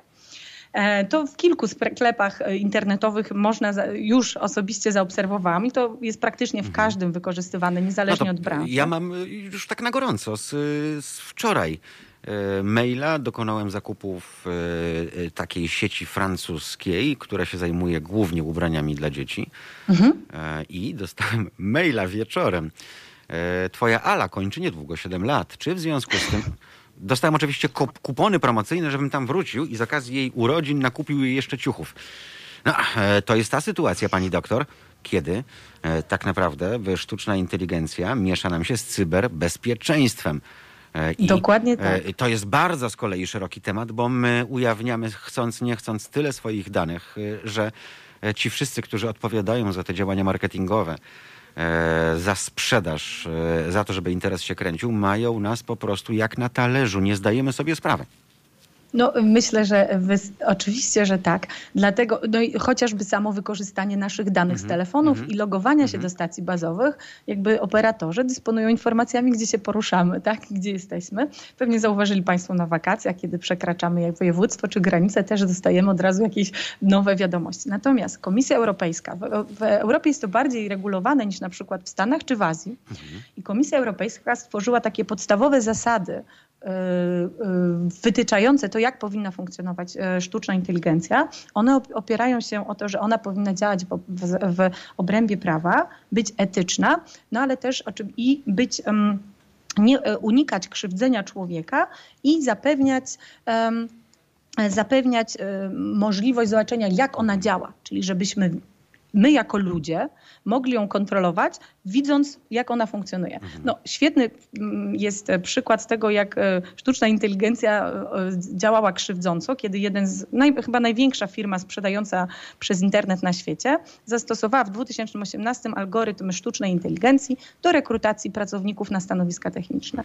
No, musieli z niego zrezygnować, bo okazało się, że algorytm sprawdził, że w firmie na tych stanowiskach pracują głównie mężczyźni i w ogóle nie analizował aplikacji kobiet, no bo no, nie, nie, według jego kryteriów decyzyjnych nie, nie, nie podchodziły pod e, e, jakby e, kategorię najbardziej e, efekt, pożądanych pracowników. Oczywiście ta firma musiała z, te, z tego rozwiązania zrezygnować, dlatego że chociażby programiści zlikwidowali te uprzedzenie płciowe, nie wiadomo jakie inne by się pojawiły. Jeszcze tutaj może taką ciekawostkę dodam, to co pan redaktor wspominał. To też o- bardzo ważne, o- pani doktor, przepraszam, że wtrącę. Gdyby pani też mogła wyjaśnić, jak jesteśmy w Europie, w Unii Europejskiej chronieni, bo to też jest niezwykle ważne, to rozróżnienie między tym amerykańskim podejściem, czy azjatyckim do tego europejskiego, bo tutaj No więc- były liczne prace prowadzone przez e, Komisję Tak, Europejską. więc cała Komisja Europejska ma specjalną, e, specjalny e, oddział, który zajmuje się właśnie weryfikacją tego, że sztuczna inteligencja działa w granicach prawa, jest etyczna i uczciwa. Możemy zawsze zobaczyć ten, jak algorytm jest trenowany. Trening algorytmu oznacza, jak uaktualnione są, uaktualniane są bazy danych, e, z których e, uczy się e, algorytm i jakie mm, kryteria mm, są sugerowane do podejmowania decyzji. Oraz bardzo ważne jest to, że w Unii Europejskiej kontrolowane jest to, że e, algorytmy czy sztuczne inteligencje nie będą wyrządzały e, szkody społecznej ani szkody ludzkiej. Czyli dba O. się o taką powiedzmy zrównoważony rozwój, że to jakby tutaj jest, to jest takie jedno z kluczowych pryncypiów. A I co za Unia tym Europejska idzie, pani doktor, Mhm. e, czy w kilku słowach może pani od razu powiedzieć, jak możemy się chronić? Nie wiem, mamy dane lokalizacyjne w telefonie na przykład wyłączać, jeżeli nam nie są do niczego, do niczego potrzebne. E. Takie proste narzędzia, żeby nie być zasypywanym, bo e, E, tak naprawdę... tak naprawdę nie wiem, czy możemy się przed tym Mhm. ochronić. To Ojej. znaczy tak, możemy wyłączać dane lokalizacyjne naturalnie, natomiast przez tą wszechobecność rozwiązań sztucznej Mhm. inteligencji trudno jest się przed nią uchronić. Raczej warto pamiętać o tym, e, żeby nie ujawniać swoich danych, jeśli to jest możliwe, e, ponieważ no, często ludzie, korzystając chociażby z social mediów, czy właśnie robiąc zakupy, e, czy biorąc udział w procesach rekrutacji, gdzie bardzo dużo firm też korzysta z tak zwanych chatbotów, czyli takich robotów, które e, prowadzą z nami rozmowę, czy grając w, w rozmaite gry, e, już udostępniamy nasze dane do dalszej analizy, do podejmowania decyzji algorytmom. W związku z tym nie, nie, nie, nie myślałabym o tym w, w pewnym e, założeniu zagrożenia. Zagrożeniem może być pewna niefrasobliwość, zbyt dużym e, swobodzie w dysponowaniu własnymi danymi, które ktoś może potem wy, wy, e, wykorzystać. Jednak e, też no, bardzo ważne jest to, żeby prawodawstwo wspierało nas i e, pilno, jakby e, zapobiegało nadużyciom pewnym związanym ze stosowaniem sztucznej inteligencji. Obecnie zauważyłam, że już w wielu firmach prawniczych powstały specjalne oddziały departamentów prawnych zajmujące się właśnie e, prawem e, AI. Oni to nazywają, czyli sztucznej e, SI, możemy po polsku powiedzieć, tak. sztucznej inteligencji. No dobrze, wszystko to brzmi fajnie. Pamiętamy, jakie było zamieszanie, gdy wchodziły poszczególne przepisy i ustawa o RODO. E, Naturalnie. Jakie tam groziły sakramenckie kary, no grożą do dzisiaj zresztą, to trochę poprawiło sytuację, ale dalej. Pani doktor, dzwoni do mnie ubezpieczyciel, który chce przedłużyć e, polisę i potrafi przez telefon zapytać na przykład o wrażliwe dane, których ja e, nie mam obowiązku podawać.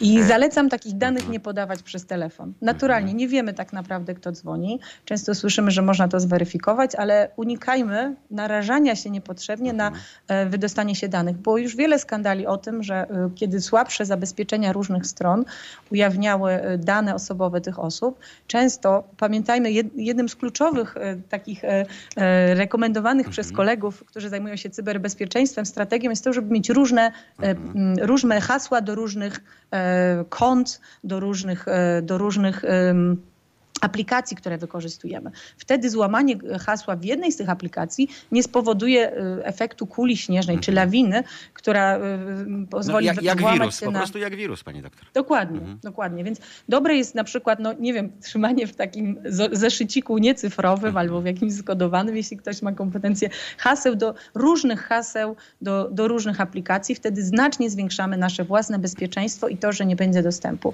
No powinniśmy też pamiętać, że sztuczna inteligencja służy pewnej... em, pewnemu, jakby jest wykorzystywana też no, dla lepszego dostosowania informacji do nas, chociażby na przykład właśnie w mediach społecznościowych. No to raz, dwa, Czy- call center, prawda, wszystkie, w- które teraz są w pełni zautomatyzowane. Naturalnie, ale to Mhm. też są tłumacze internetowi Tak, mhm. dostępni, którzy są coraz e, bardziej w- no, tacy us- Ma to też usprawnione swoje jest to dobre strony, natomiast wie, pamiętając o dobrych stronach, powinniśmy wystrzegać się pewnych działań, e, które e, mogą sprowokować e, pewne niecne działania, nazywając to delikatnie. A skoro o niecnych działaniach, pani doktor, proszę nam opowiedzieć, e, jak są wykorzystywane farmy e, troli. E, Adam Hoffman e, odszedł e, z rządu, pamiętamy, w- z PiSu po aferze madryckiej, założył sobie przynoszącą gigantyczne dochody firmę PR-ową, no bo mm, dziś się płaci za kontakty i możliwość załatwienia różnych spraw. Taki mamy mm, bananowy kapitalizm niestety w tym kraju. No i teraz słynna sprawa z Coca-Colą, która wypowiedziała mu umowę, bo mm, ustawa cukrowa, e, on tam zatrudnił właśnie ludzi, którzy e, mieli przekonywać, mieli lobbować, że cukier jest cool. E, Natomiast skończyło się to na tym, że też została taka farma troli zbudowana. To też jest sztuczna inteligencja. E, To, to oczywiście, jeśli będziemy mówić o tym, że są, że są e, jakby algorytmy, które tworzą komentarze, tak jak na zasadzie chatbotu, to oczywiście możemy mówić wtedy o takich farmach nadużywaniu. Powinniśmy, myślę, że w kontekście e, sztucznej inteligencji, automatyzacji pewnych procesów, które wokół nas zachodzą właśnie, Powinniśmy pamiętać, czytając opinie o niektórych produktach w internecie, czy jakieś komentarze, że niektóre z nich mogą być właśnie efektem tak zwanych farm, e, czy, czy generowanych algorytmów, które e, które nie, nie, nie są to poszczególne osoby, tylko mogą to być, tylko no to jest oczywiście, to jest naturalnie niezgodne z prawem. Natomiast no, często sami jakby z jednej strony dużym wyzwaniem jest prawodawstwo, o czym mówiliśmy, a z drugiej zapewnienie bezpieczeństwa danych, chociażby w służbie medycznej. Pewnie każdy z Państwa miał okazję korzystać z e, e-recepty mhm. na portalu mhm. pacjenta i jest to duża wygoda. Natomiast oczywiście no, najkluczowym wyzwaniem jest dostęp do tych danych wrażliwych i ich bezpieczeństwo, żeby nikt nie mógł e, no, pobrać danych, które mogą mieć bardzo negatywne rzeczy. No, w Polsce jeszcze nie ma na przykład popularnych rozwiązań, takich jak e, w Wielkiej Brytanii stworzony Mm, jest e, lekarz, e, system sztucznej inteligencji e, wirtualnego lekarza. Nie mówię tu o e-konsultacjach. Niech pani głośno nie mówi, bo lekarze nigdy podwyżek nie dostaną. Dalej będą za 2500 pracować no, na ojomie. Więc, no, znaczy, naturalnie ten system budzi kontrowersje i wśród samych lekarzy, mhm. którzy również wynajmują w nich, wynajdują w nim pewne, pewne błędy, no bo nie, nie jesteśmy w stanie zastąpić tak, wiedzy medycznej jakimś tam wywiadem. Najdłuższe studia w historii te medyczne, no to nie wiem, to, to, to co my teraz z tym zrobimy? E, no, na szczęście na razie u nas nie ma takich pomysłów, mhm. tak? E, w, w, w, Anglii e, stosowany jest to jako dobrowolnie, chociaż mhm. NF, ten ichniejszy NFZ mhm. również zapłacił. HNS, tak. Tak, tak, tak.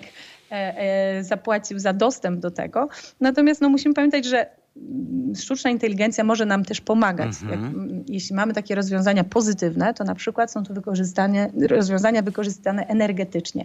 Kiedy myślimy o smart domach, tak? o, o takich smart mhm. home'ach, e, gdzie mm, są tak skonfigurowane urządzenia, które wykorzystujemy, takie jak pralki, e, nie wiem, klimatyzację czasami, mhm. czy e, które dostosowują się do cen energii, do taryf cen, cen, energetycznych sami. Nie musimy pamiętać, żeby włączać coś wieczorem, Super. bo wtedy jest tańsza energia, mhm. tylko nasz jakby system sterowania będzie o tym pamiętał i będzie optymalizował zużycie energii e, w zależności od e, taryfy i kosztów. Szkoda, że nie żyjemy w takim świecie idealnym e, i tworzymy narzędzia, które tylko robiłyby dobro człowiekowi. Czy są narzędzia, aplikacje, programy, które mogą nas skutecznie chronić przed zakusami, wykrywać taki trolling na przykład, albo e, uznają, że e, pewne bariery zostały przekroczone. I ja nie życzę sobie tego, żeby francuska sieć znała datę urodzenia mojego dziecka.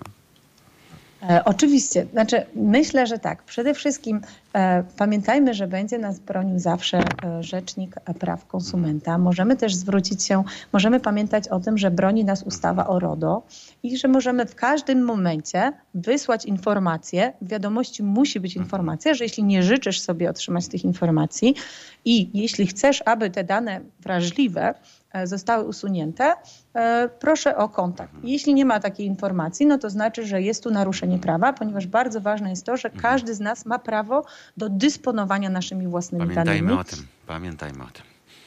Możemy też oczywiście wprowadzać algorytmy w błąd, e, ale to już tak na zasadzie żartu, wow. kiedy na przykład obawiamy się, że mhm, serwis mhm. streamujący firmy mhm, lub portal społecznościowy będzie e, prowadził nas, e, jakby tworzył tak zwaną bańkę pojęciową, ponieważ one dostosowują informacje do tego, kim jesteśmy, do pewnego sklasyfikowanego profilu, możemy dokonywać spontanicznych, nielogicznych jakichś preferencji, które zaburzą pewną, pewne proces decyzyjny Wyższa, wyższa szkoła jazdy. Na razie jak pani wejdzie na Netflix, to 10 pierwszych filmów popularnych teraz w Polsce urywa web po prostu, e, biorąc pod uwagę ich jakość, e, bo to mnie skłania do przemyśleń.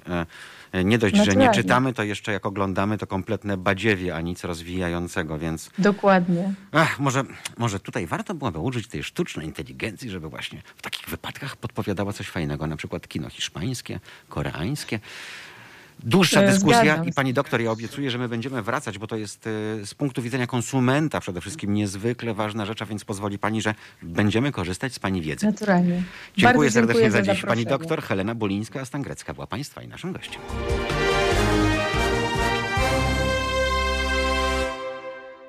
No a dzisiaj przyznają Państwo, sporo gadamy, ale to tylko dlatego, że mamy bardzo, bardzo interesujących gości, e, których mamy naprawdę sporo i oni mają naprawdę wiele do powiedzenia ciekawych rzeczy, chociażby tak jak pani doktor o cyberbezpieczeństwie i o sztucznej inteligencji. To się dzieje już teraz, w tej sekundzie, gdy o tym, gdy o tym mówimy. Proszę o tym, o tym pamiętać, e, tak jak proszę pamiętać o tym, że mogą państwo e, cały czas e, gdzieś obserwować, fotografować i przysyłać zdjęcia e, zdjęcia naszego samochodu kampanijnego, naszego auta, naszej ciężarówki, e, która jest oklejona hasłami, które wyjaśniają Państwu, ile kosztuje nas Kościół, bo to już szósty tydzień naszej społecznej mm, kampanii. Od y, dziś do 12 grudnia nasze kampanijne auto przemierza ulicę Krakowa, a w niedzielę, w tę niedzielę 13 grudnia, podobnie jak w 81, też niedziela, no, będziemy się meldować w najświętszym mieście, tam gdzie krzyczeli niech żyje łupież. Tam, gdzie do dzisiaj e, taki jeden pan produkuje kremówki, co to jego wnuk robi orgie gejowskie w Brukseli. E, I tak dalej, i tak dalej. Więc naprawdę wspaniałe miasto, tętniące życiem e, i wypuszczające w świat e, no, naprawdę bardzo ciekawych, ciekawych ludzi, którzy niosą kaganek oświaty seksualnej i wolnościowej z Wadowic do Brukseli, na co łapią się też nasi bratankowie węgierscy, którzy chętnie z tych imprez, jak się okazuje, korzystają. Zresztą rynna, po której się ten węgierski poseł przepraszam za wyrażenie, spuszczał, e, no to ona y, już jest opatrzona tam pamiątkowym napisem, że to właśnie tu zakończyła się jego kariera polityczna. A wracając do kampanii, hmm, do końca marca 2021 roku odwiedzimy jeszcze kilkanaście miast i to w całej Polsce. W każdym z tych miast, proszę być spokojnym, spędzimy po kilka dobrych dni. E, Planujemy, że e, w każdym z nich będziemy po tydzień. No i e, teraz to, co najważniejsze, czyli prośba do Państwa oczywiście o to, żeby, żeby nam dopomóc, dopomóc w tankowaniu, no bo e, wiadomo, to nie jest e, auto elektryczne, m, tylko na olej napędowy z silnikiem diesla. Taki diesel, no jak Polak, swoje musi wypić, e, a m, i tak pije m, nie tak dużo, dzięki czemu możemy dalej, dalej jechać. Www.zrzutka.pl ukośnik kampania. Jak Państwo tam wejdą, no to Państwo mają wszelkie szczegóły tego, w jaki sposób można pomóc nam Mm, w tym byśmy mogli po samo gardło, po sam korek zatankować oleju napędowego, tak byśmy krążyli, krążyli, krążyli, uświadamiali, pokazywali, e, skłaniali niektórych do refleksji, a niektórych do tego, żeby im nagle łuski z oczu opadły. To imponująca liczba, prawda? 20 miliardów. E, Tyle kosztuje nas Kościół, o całe 20 miliardów. Za dużo, zmieńmy to, dążmy do tego, e, by nie paśli się mm, w takiej swojej pasożytniczej e, działalności właśnie pracownicy tej e, najstarszej korporacji świata. A jeśli chodzi o następne tygodnie, od 14 do 20 grudnia, e, po przerwie świąteczno-noworocznej startujemy, przypomnę, w, w Częstochowie, a od 14 do 20, czyli zanim ta przerwa się e, zacznie, będziemy kursować ulicami Górnego Śląska, a raczej stolicy tego Górnego Śląska, czyli po Katowicach. Potem 4-10 Częstochowa. A potem od 11 do 17 stycznia Kielce, od 18 do 24 Radom. Później e, powrót na chwilę do centrum, czyli Łódź między 25 a 31. No i stolica Dolnego Śląska, m, tam przynajmniej ciepło. Od 1 do 7 lutego jesteśmy we Wrocławiu. www.zrzutka.pl ukośnik kampania. Tam jesteśmy, e, tam są wszelkie szczegóły, jak można nas wspomóc w tej właśnie kampanii.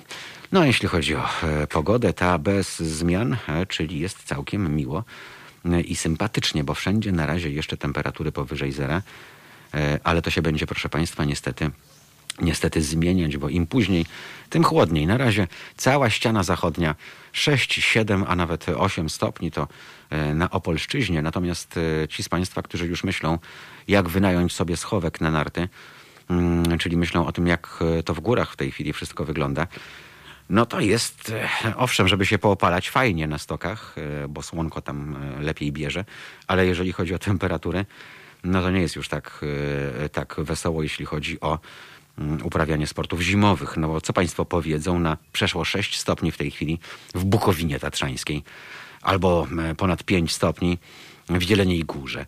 E, 3,5 stopnia w tej chwili pokazują termometry w Karpaczu, a w Kudowie, która prze, przeżywała ostatnie oblężenie narciarzy, też 6 stopni Celsjusza. Oczywiście nie muszę panu, Państwu wspominać o tym, że wszędzie tam zero śniegu. E, No a skoro tak ciepło, to znaczy to e, tyle, że e, i armatki śniegowe nie za bardzo będą mogły e, wytwarzać ten sztuczny biały e, puch. E, W każdym razie e, my tutaj na nizinach cieszymy się z tego, że temperatury e, na plusie, ponieważ e, Nie ma śniegu, nie ma lodu, nie ma ślizgawicy. Kredyt od Aury dostaliśmy i z tego się naprawdę bardzo, bardzo e, cieszymy. Sprawdzamy jeszcze, co tam e, donoszą e, media, i te papierowe, i te, i te internetowe. Cóż, tak jak Państwu wspominaliśmy dzisiaj, jak sam wspominałem całkiem niedawno i o czym jeszcze będziemy rozmawiać, wielkie logistyczne wyzwanie przed Wielką Brytanią, bowiem startują tam, tam szczepienia. E, początkowo mm, odbywać się będzie to szczepienie w 50 szpitalach. Liczba osób, które zmarły po zakażeniu koronawirusem przekroczyła tam 60 mm, tysięcy. No i oczywiście nie wszystko naraz, to z tego zdają sobie Państwo sprawę, prawda? A więc najpierw pracownicy służby zdrowia, potem personel domów opieki i hospitalizowani pacjenci, którzy skończyli już 80. No a później e, także ludzie, którzy przechodzą zabiegi ambulatoryjne. Pierwszy kontyngent to 800 tysięcy opakowań, które zakupiono.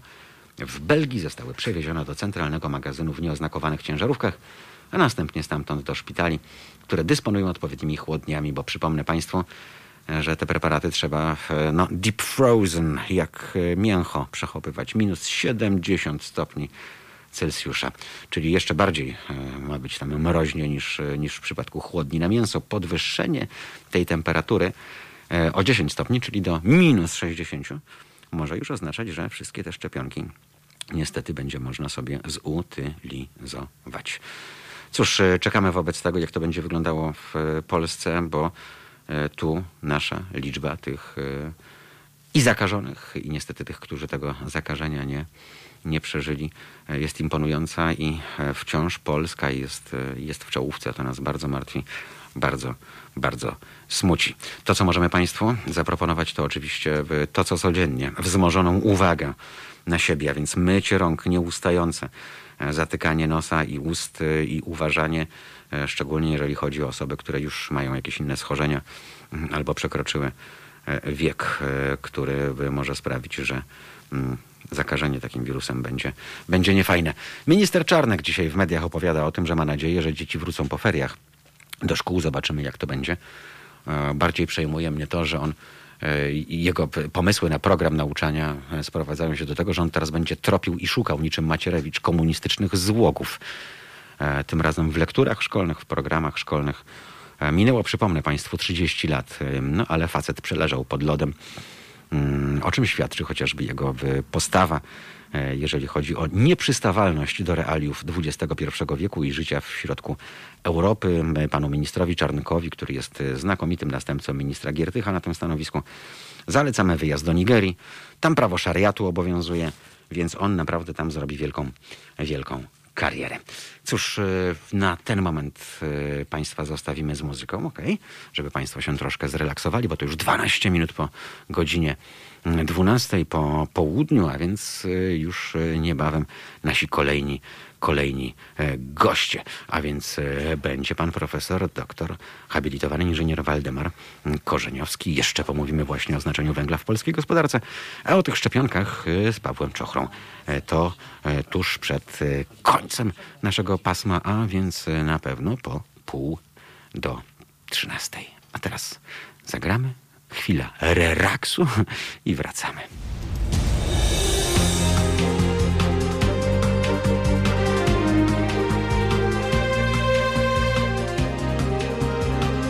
Halo Radio. 17 już e, w tej chwili minut po południu. I staramy się cały czas uzyskać połączenie, które złośliwość przedmiotów martwych. Mieliśmy już połączenie z panem doktorem e, habilitowanym, panem inżynierem Waldemarem Korzeniowskim, żeby porozmawiać o znaczeniu węgla w polskiej gospodarce, tym bardziej, że jesteśmy tuż po barburce. No okazało się, że pan profesor nam niestety złącza. Zniknął. Mam nadzieję, że w tej chwili uda się go za chwil kilka e, odzyskać to połączenie i, i porozmawiać. E, mniej więcej e, musimy jeszcze kilkadziesiąt sekund poczekać. No, różne, różne naprawdę doniesienia medialne w tej chwili nas tutaj straszą z jedynek popularnych popularnych e, portali. No, zastanawiamy się, co dalej będzie, e, jeśli chodzi o, o urodziny mm, takiego radia, które, które mieści się w Toruniu, bo mm, to też zakończyło się mocną, mocną aferą. No i czekamy, czy będą jakieś konsekwencje natury, natury prawnej e, z tego, z tego powodu, bo żyjemy w Polsce, więc są równi i równiejsi. E, czy jest już z nami pan profesor? Jest, panie profesorze. Halo, słyszymy się. Dzień dobry. Dzień dobry, dzień dobry panu Waldemar Koszyniowski, kłaniam się. Bardzo nam miło, cieszę się, że odzyskaliśmy połączenie e, Mhm. z barburki na barburkę. Coraz smutniejszy obraz e, polskiego górnictwa e, kamiennego. E, No, zalecenie jest znane chyba wszystkim Polakom. Mamy od tego węgla odchodzić. E, Gorzej, że e, w zamian za odchodzenie od węgla e, ta energia, którą moglibyśmy pozyskiwać e, z OZE na przykład, to wciąż e, niestety pieśń przyszłości, bo E, nawet te 30% chyba dziś e, zakładane. Mm, Jeszcze chwilę i będziemy mogli między bajki, między bajki włożyć. E, Jak w tej chwili wygląda właśnie to znaczenie e, górnictwa węgla kamiennego mm, w Polsce? Wiemy, Znaczy, że... dobrze- Mhm. Tak, dobrze, dobrze, że pan przypomniał, y, że chodzi o górnictwo węgla kamiennego, dlatego że bardzo często w mediach, zwłaszcza górnictwo jest utożsamiane wyłącznie z węglem kamiennym i w ogóle z energetyką, a to jest nie tylko, Mhm. nie tylko ta działalność, bo właściwie każda działalność przemysłowa musi się opierać na górnictwie, bo nie ma innej materii niż górnictwa, prawie że, prawie że. W związku z tym górnictwo było, jest i będzie, to wiadomo. Natomiast jeśli chodzi o energetykę, bo to jest przedmiotem Pana zainteresowania, no to no niestety rzeczywistość jest taka, że po pierwsze w Polsce wciąż e, no, prawie 80% węg- y, energii jest pozyskiwanych z węgla. Węgla, tak. E, e, częściowo około z węgla brunatnego i z węgla kamiennego, mniej więcej 48% z kamiennego i około tam około 30 z węgla brunatnego, czyli w sumie prawie 80%. No reszta to jest mało znaczące, kilkanaście procent w tej chwili z tego, co wiem z energii odnawialnej, więc, więc z tego punktu widzenia na pewno węgiel będzie potrzebny, bo my póki co no, mamy przede wszystkim takie elektrownie, więc musimy mieć węgiel. Druga dość istotna sprawa to jest taka, że e, no, węgiel, my mamy różny węgiel. Nie wiem, czy Państwo wiecie i Pan wie i Państwo, że e, kilka tygodni temu Ko- Komisja Europejska uznała węgiel koksujący jako e, surowiec krytyczny dla przemysłu, czyli taki, który będzie musiał się cieszyć specjalnymi preferencjami, dlatego że on jest niezbędny dla różnych branż przemysłu, w tym metalurgii między innymi. Natomiast, natomiast fakty też są takie, że od kilkudziesięciu lat no, produkcja węgla w Polsce maleje systematycznie. Ja pamiętam czasy, kiedy to był lata 80., 90., koło, koło 200 milionów ton wydobycia węgla. W tej chwili No, byliśmy bardzo To znacz- jest- znaczącym krajem, jeśli chodzi o tak, wydobycie, chodzi o oczywiście. rynki Mieli, byliśmy eksporterem, oczywiście mieliśmy prawie 200 milionów, teraz mamy około 60 No i milionów. przepotężne I- zatrudnienie w branży przy okazji, prawda? Bo to było No tam i około 100 tysięcy górników wówczas i, i osób pracujących. No tak, no tak, no tak. No w tej chwili jest to znacznie mniej i co roku ten spadek zużycia węgla jest kilkunastoprocentowy w Polsce, więc on jest, że tak powiem, em, mniejsze zużycie oczywiście, aczkolwiek wynika to z bardzo wielu przyczyn, no między innymi z takich, że myśmy w ostatnich latach, zwłaszcza w latach kilku, tych dwudziestu paru lat transformacji, yy, czy 30 już w zasadzie, yy, zmodyfikowali swój przemysł i zapotrzebowanie energetyczne jest też mniejsze. W związku z tym mniej energii trzeba było na te same procesy, procesy zużywać. No ale systematycznie są kopalnie likwidowane. W tej chwili jest 20 kopań, to było 100 kopań jeszcze tam parę, dwa- 30-40 lat temu, prawda? No, wszystkim dzisiaj rządzi, panie profesorze, ekonomia. E, Tak, Kopalnie są zamykane, ponieważ e, Tak. polskie pokłady tego węgla kamiennego Tak. e, położone są tak, jeśli chodzi o geologię, że to wydobycie przestaje być po prostu opłacalne. One Tak, są trudniejsze. mhm. Tak, E, To nie jest zgadza tak jak w Donbasie, gdzie pan wbije łopatę i, e, i ten węgiel... No może nie No, łopatę, ale to ale koparkę. specjalnie ale przerysowuję, razie- specjalnie Tak, panie tak, profesorze, żeby było wiadomo oczywiście. o co No chodzi. jasne, E, no Czy to jasne, oznacza, no że jasne. nie rezygnując z węgla i tak będziemy zmuszeni, m, żeby rachunek ekonomiczny się zgadzał do, e, do jego e, importu, bo to już się robi sprawa polityczna, jak pan doskonale wie, szczególnie No jeżeli tak. chodzi o rejony, z których e, ten węgiel Tak. importu Tak. jemy. E, Na pewno, na pewno będziemy potrzebowali, bo mamy elektrownie e, e, węglowe, więc musimy mieć. Teraz czy, e, czy będziemy go importować, czy będziemy mieć swój, będziemy mieli i taki, i taki.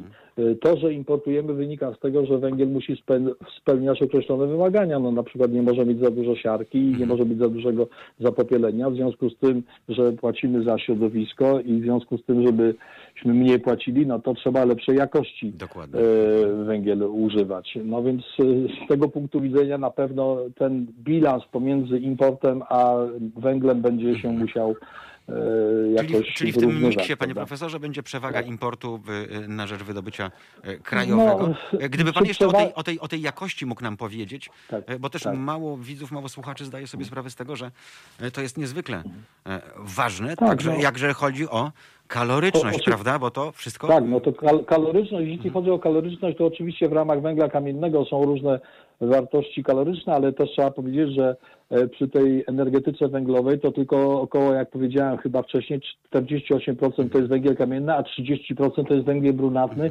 który jest po pierwsze tańszy, czyli jest dla producentów bardziej atrakcyjny, no bo niższe koszty są, ale jednocześnie jest znacznie mniej kaloryczny niż węgiel kamienny. I z tego punktu widzenia węgiel e, kamienny się też, e, też wydobywa. Natomiast no, jeśli chodzi o, o, o zawartość siarki, która maksymalnie może być dwuprocentowa, no to to wymaga dodatkowych technologii, które oczywiście popra- mogą poprawić jakość tego węgla, to jest pierwsza sprawa. A druga rzecz jest też istotna, bo ja też często słyszę, że e, powietrze na przykład jest zanieczyszczone z tego powodu, że kopalnie węgiel w ogóle eksploatują. No, no jest oczywistością przecież, że energię produkują elektrownie, a nie kopalnie, Tak więc elektrownie, jeśli kupują taki węgiel, no to w zasadzie to powinna być rola elektrowni, żeby tak technologię dopracować, żeby po pierwsze efektywność energetyczna elektrowni była wyższa i żeby jednocześnie eliminować szkodliwe związki, Mhm. które mogą się unosić do atmosfery, czy przedostawać do atmosfery, prawda? Panie profesorze, bo jeszcze o jedno chciałem zapytać. e, tak. Gdy dochodzi do nieszczęść, polskich kopalniach e, głównie chodzi Tak. o wybuch gazu, który tam jest zgromadzony. Były takie projekty przeprowadzane przez różne ośrodki politechniczne, aby ten gaz odzyskiwać i aby on mógł na przykład zasilać miasteczka czy miasta, wokół których te kopalnie są położone. E, E, ten się- gaz, Mhm. jeśli... Nie, dzieje się, dużo się dzieje, dlatego okej. że zawsze, proszę pana, zawsze metan, bo tym podstawowym meta, e, gazem jest metan, który jest w kopalniach pozyskiwany i on jest pozyskiwany również Okej. dla celów energetycznych.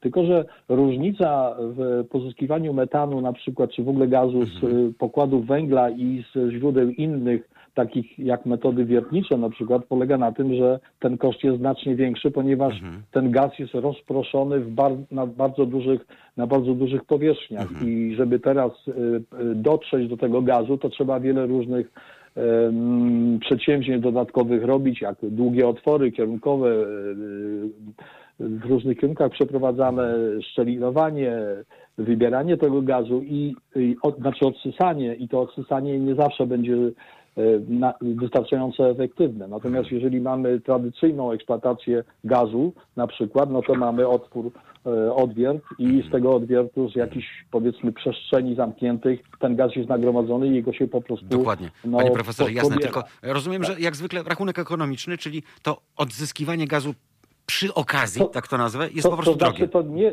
to znaczy przy okazji, ta okazja jest bardzo istotna, bo to są w ogóle warunki, które w niektórych kopalniach, zwłaszcza Rybnickiego Okręgu Węglowego, gdzie tam jest, czy Jastrzębskich Mhm. spółek, gdzie tam jest y, tego gazu sporo, muszą być, najpierw musi być odebrany gaz, żeby stworzyć bezpieczne warunki Mhm. Do- pracy do- dla do pracy, górników, tak jest po prostu. Mhm. tradycyjną metodą e, wydobywają ten węgiel. W związku z tym no, to, to ten, ten gaz jest Mhm. y, wykorzystywany. U nas nawet na, w dziale górnictwa i geoinżynierii powstał taki projekt innowacyjny, żeby odbierać nawet Mhm. e, gaz z bardzo małych, z bardzo małych zawartości, to znaczy z powietrza wentylacyjnego odbieranego w szybie, gdzie tam śladowe ilości tego Mhm. Okej. gazu są, tego metanu są, żeby go wykorzystać do celów energetycznych i na małą skalę, w małym zakresie on był wykorzystywany, właśnie energetycznie. Bardzo się cieszę, że pan nam to wszystko w, w takich prostych słowach wytłumaczył. by Nasza wiedza się poszerzyła i mam nadzieję, że teraz wiele osób inaczej spojrzy w ogóle na, e, na te Tak. przepychanki, e, którym węgiel niestety służy, a nie temu powinien służyć, e, powinien służyć wykorzystaniu w energetyce. Tak, Bardzo jestem orędownikiem, y, y, aktywnym orędownikiem, żeby uświadamiać Mhm. ludziom, że górnictwo to nie jest tylko górnictwo węgla, Tak bo jest. naprawdę wszystkie rzeczy, które, z których korzystamy nawet teraz, telefony, Mhm. komputery, telewizory, zmywarki, lodówki i tak dalej, muszą mieć górnictwo, bo do tego są do wszystkiego są surowce potrzebne. Dokładnie tak. Bardzo, bardzo serdecznie dziękuję za tę za Dziękuję tę bardzo. rozmowę. Dziękuję panu bardzo. Dziękujemy i mamy Dobrze. nadzieję, że do miłego, do miłego usłyszenia. E, Cóż, Dziękuję e, bardzo. no jak e, Państwo widzieli e, i słyszeli, to nie jest wszystko takie, takie proste, jakby mogło się, e, jakby mogło się Państwu e, wydawać. E, No, szczególnie tym, którzy po prostu są odbiorcami. Dla nich to jedno pstryknięcie, przekręcenie włącznika i tak dalej, i tak dalej. Pan profesor, doktor habilitowany inżynier Waldemar Korzeniowski był Państwa i naszym gościem. Za chwil kilka do Państwa wracamy, bo przecież przed nami jeszcze rozmowa o, o szczepionkach.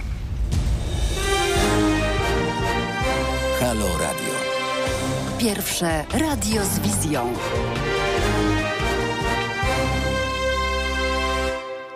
Minęło pół do trzynastej. Sprawdzamy, co tam za oknem. Całkiem nieźle, chociaż tak jak Państwa uprzedzałem, temperatury zaczynają powoli spadać. Już e, nie można się za bardzo opalać na ścianie zachodniej, bo do niedawna tam e, 7-8 stopni, teraz już tylko około, około 5 od Szczecina przez Gorzów po Zieloną Górę. Najcieplej w tej chwili we Wrocławiu i Opolu, tam e, ponad 6,5 stopnia Celsjusza wszędzie wciąż.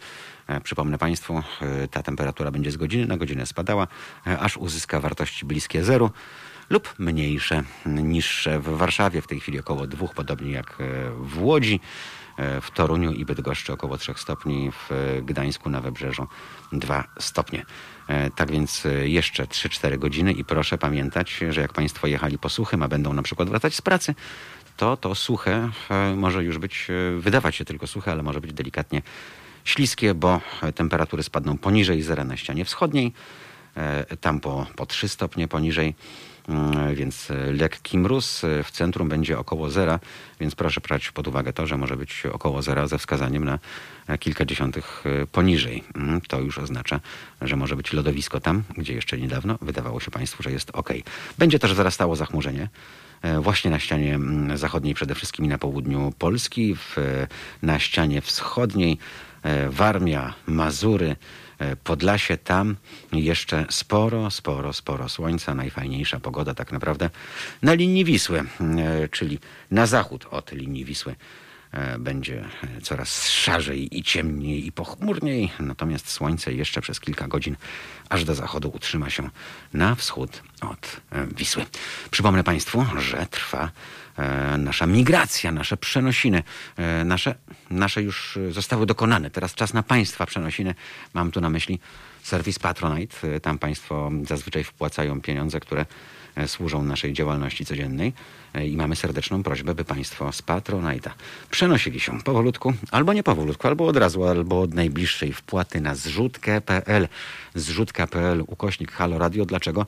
Otóż dlatego, że na zrzutce nikt nie pobiera od nas żadnych prowizji, a więc wszystkie te pieniądze, które powinny trafić na nasze konto, trafiają na nasze konto. Nie musimy się e, dzielić, jakby niektórzy powiedzieli, nie musimy płacić frycowego, czyli nie musimy płacić prowizji e, za to, że jesteśmy na Patronajcie. Tak więc każda złotówka, każdy grosz wpłacony tu, jeden do jednego w 100% trafia właśnie do Halo Radio, a e, nie jest gdzieś tam jeszcze mm, dzielony mm, na e, działalność pośredników, czyli nie musimy płacić prowizji www.zrzutka.pl ukośnik Halo Radio. Zachęcamy Państwa do wpłat właśnie, właśnie w tym miejscu.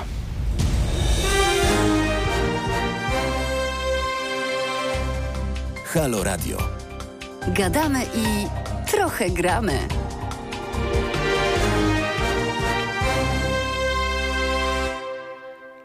To już e, 20 minut tylko dzieli nas od godziny 13. Halo Radio z Marszałkowskiej pod dwójką z Warszawy. Paweł Czochra przy telefonie. E, Dzień dobry, witam serdecznie panie Pawle. Dzień dobry. Cieszy się pan, że już e, za chwilę doczekamy się szczepionki, jak wszystko na to wskazuje.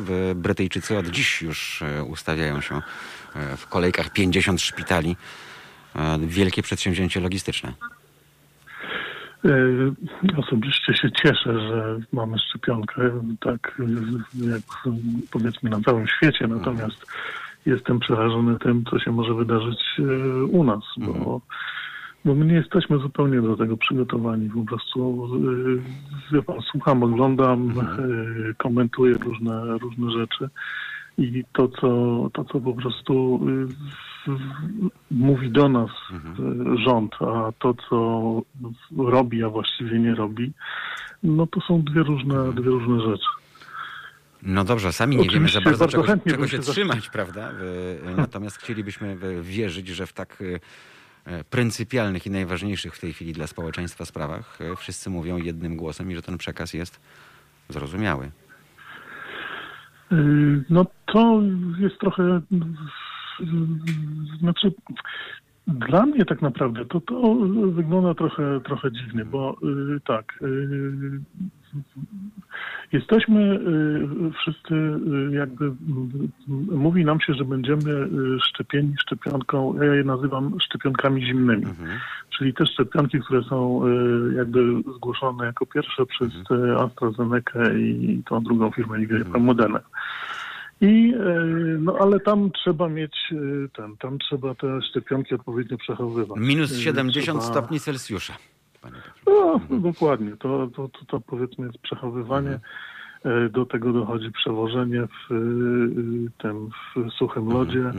Do tego są potrzebne y, w- potem miejsca, gdzie to można, że tak powiem, składować, przechowywać. Potem trzeba to przewieźć do punktów szczepień. Potem w punktach szczepień wiadomo, że tych szczepionek musi być jakaś pewnie określona ilość. Nie za dużo, nie za mało, ale też je trzeba gdzieś przechować, czyli muszą być tak zwane lodówki laboratoryjne o, o niskiej e, też, e, e, o, o, które mogą to przechować, żeby to się po prostu nie zmarnowało. E, Jeżeli, jeżeli ludzi nie ma, bądź te szczepionki muszą poczekać, no i nagle się okazuje, że my takich po prostu punktów nie mamy. No, najpierw słyszę o jakichś remizach, od y, y, naszego, że tak powiem, głównodowodzącego. E, Potem słyszę, y, no, że jeżeli nie remizy, to, to właściwie moglibyśmy się szczepić we wszystkich e, punktach, y, we wszystkich przychodniach, co też się wydaje nierealne. E, Potem, bo te, te, te, te przychodnie nie mają, że tak powiem, miejsc, w których mogłyby te szczepionki zabezpieczyć. Teraz y, znowu ktoś wpadł na pomysł, że okej, y, moglibyśmy się szczepić y, w miejscach, y, w punktach krwiodawstwa. No ale jak znam życie i, i twórczość, to to się skończy pewnie tak, że będziemy się szczepić, a nie będzie, że tak powiem, czasu na pobieranie krwi i skończy się kolejną tragedią. No, to, to jest po prostu jakaś masakra. Też są piękne sceny, które się, że tak powiem, ogląda w mediach.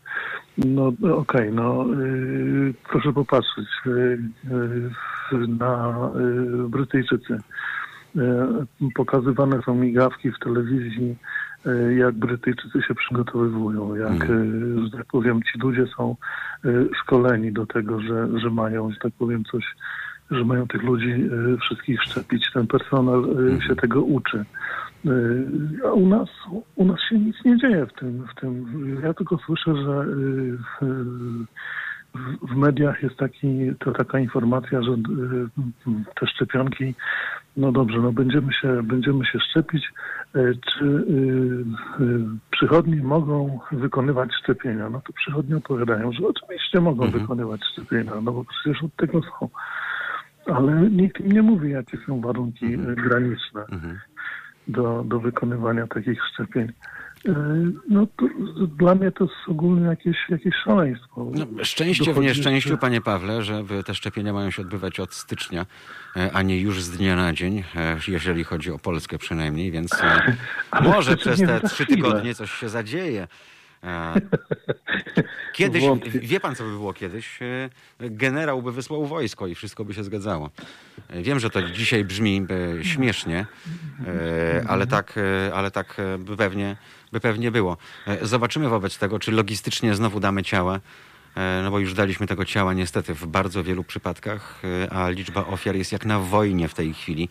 Ja nie wiem, czy ludzie Dokładnie. sobie zdają z tego sprawę, czy nie, że to jest tak naprawdę po w, kilka tysięcy ofiar w tygodniu. Tyle ginie, nie wiem, e, pod bombami w Syrii ginęło na przykład, prawda, w ciągu tygodnia. Ile ginie z powodu koronawirusa. W Polsce jesteśmy w absolutnym, absolutnym topie. E, jeszcze dodajmy jedno, że przecież e, to nie będzie tak, że wszyscy nagle e, otworzymy oczy rano i będziemy mieli na półce mm, szczepionkę. To będzie wszystko trwało i e, wymagało całego procesu logistycznego właśnie. Pan Paweł Czochra. Musimy już kończyć, panie Pawle. Audycja nam się kończy. Bardzo serdecznie dziękuję za dziś. Miło nam, że pan był, był z nami. E, Państwu e, życzymy wszystkim, e, żeby przede wszystkim dopóki nie będzie tej możliwości, żeby poczuć się bezpiecznie, chociażby mm, poprzez to, że będą dostępne już te szczepionki. Naprawdę uważajmy, uważajmy i jeszcze raz uważajmy.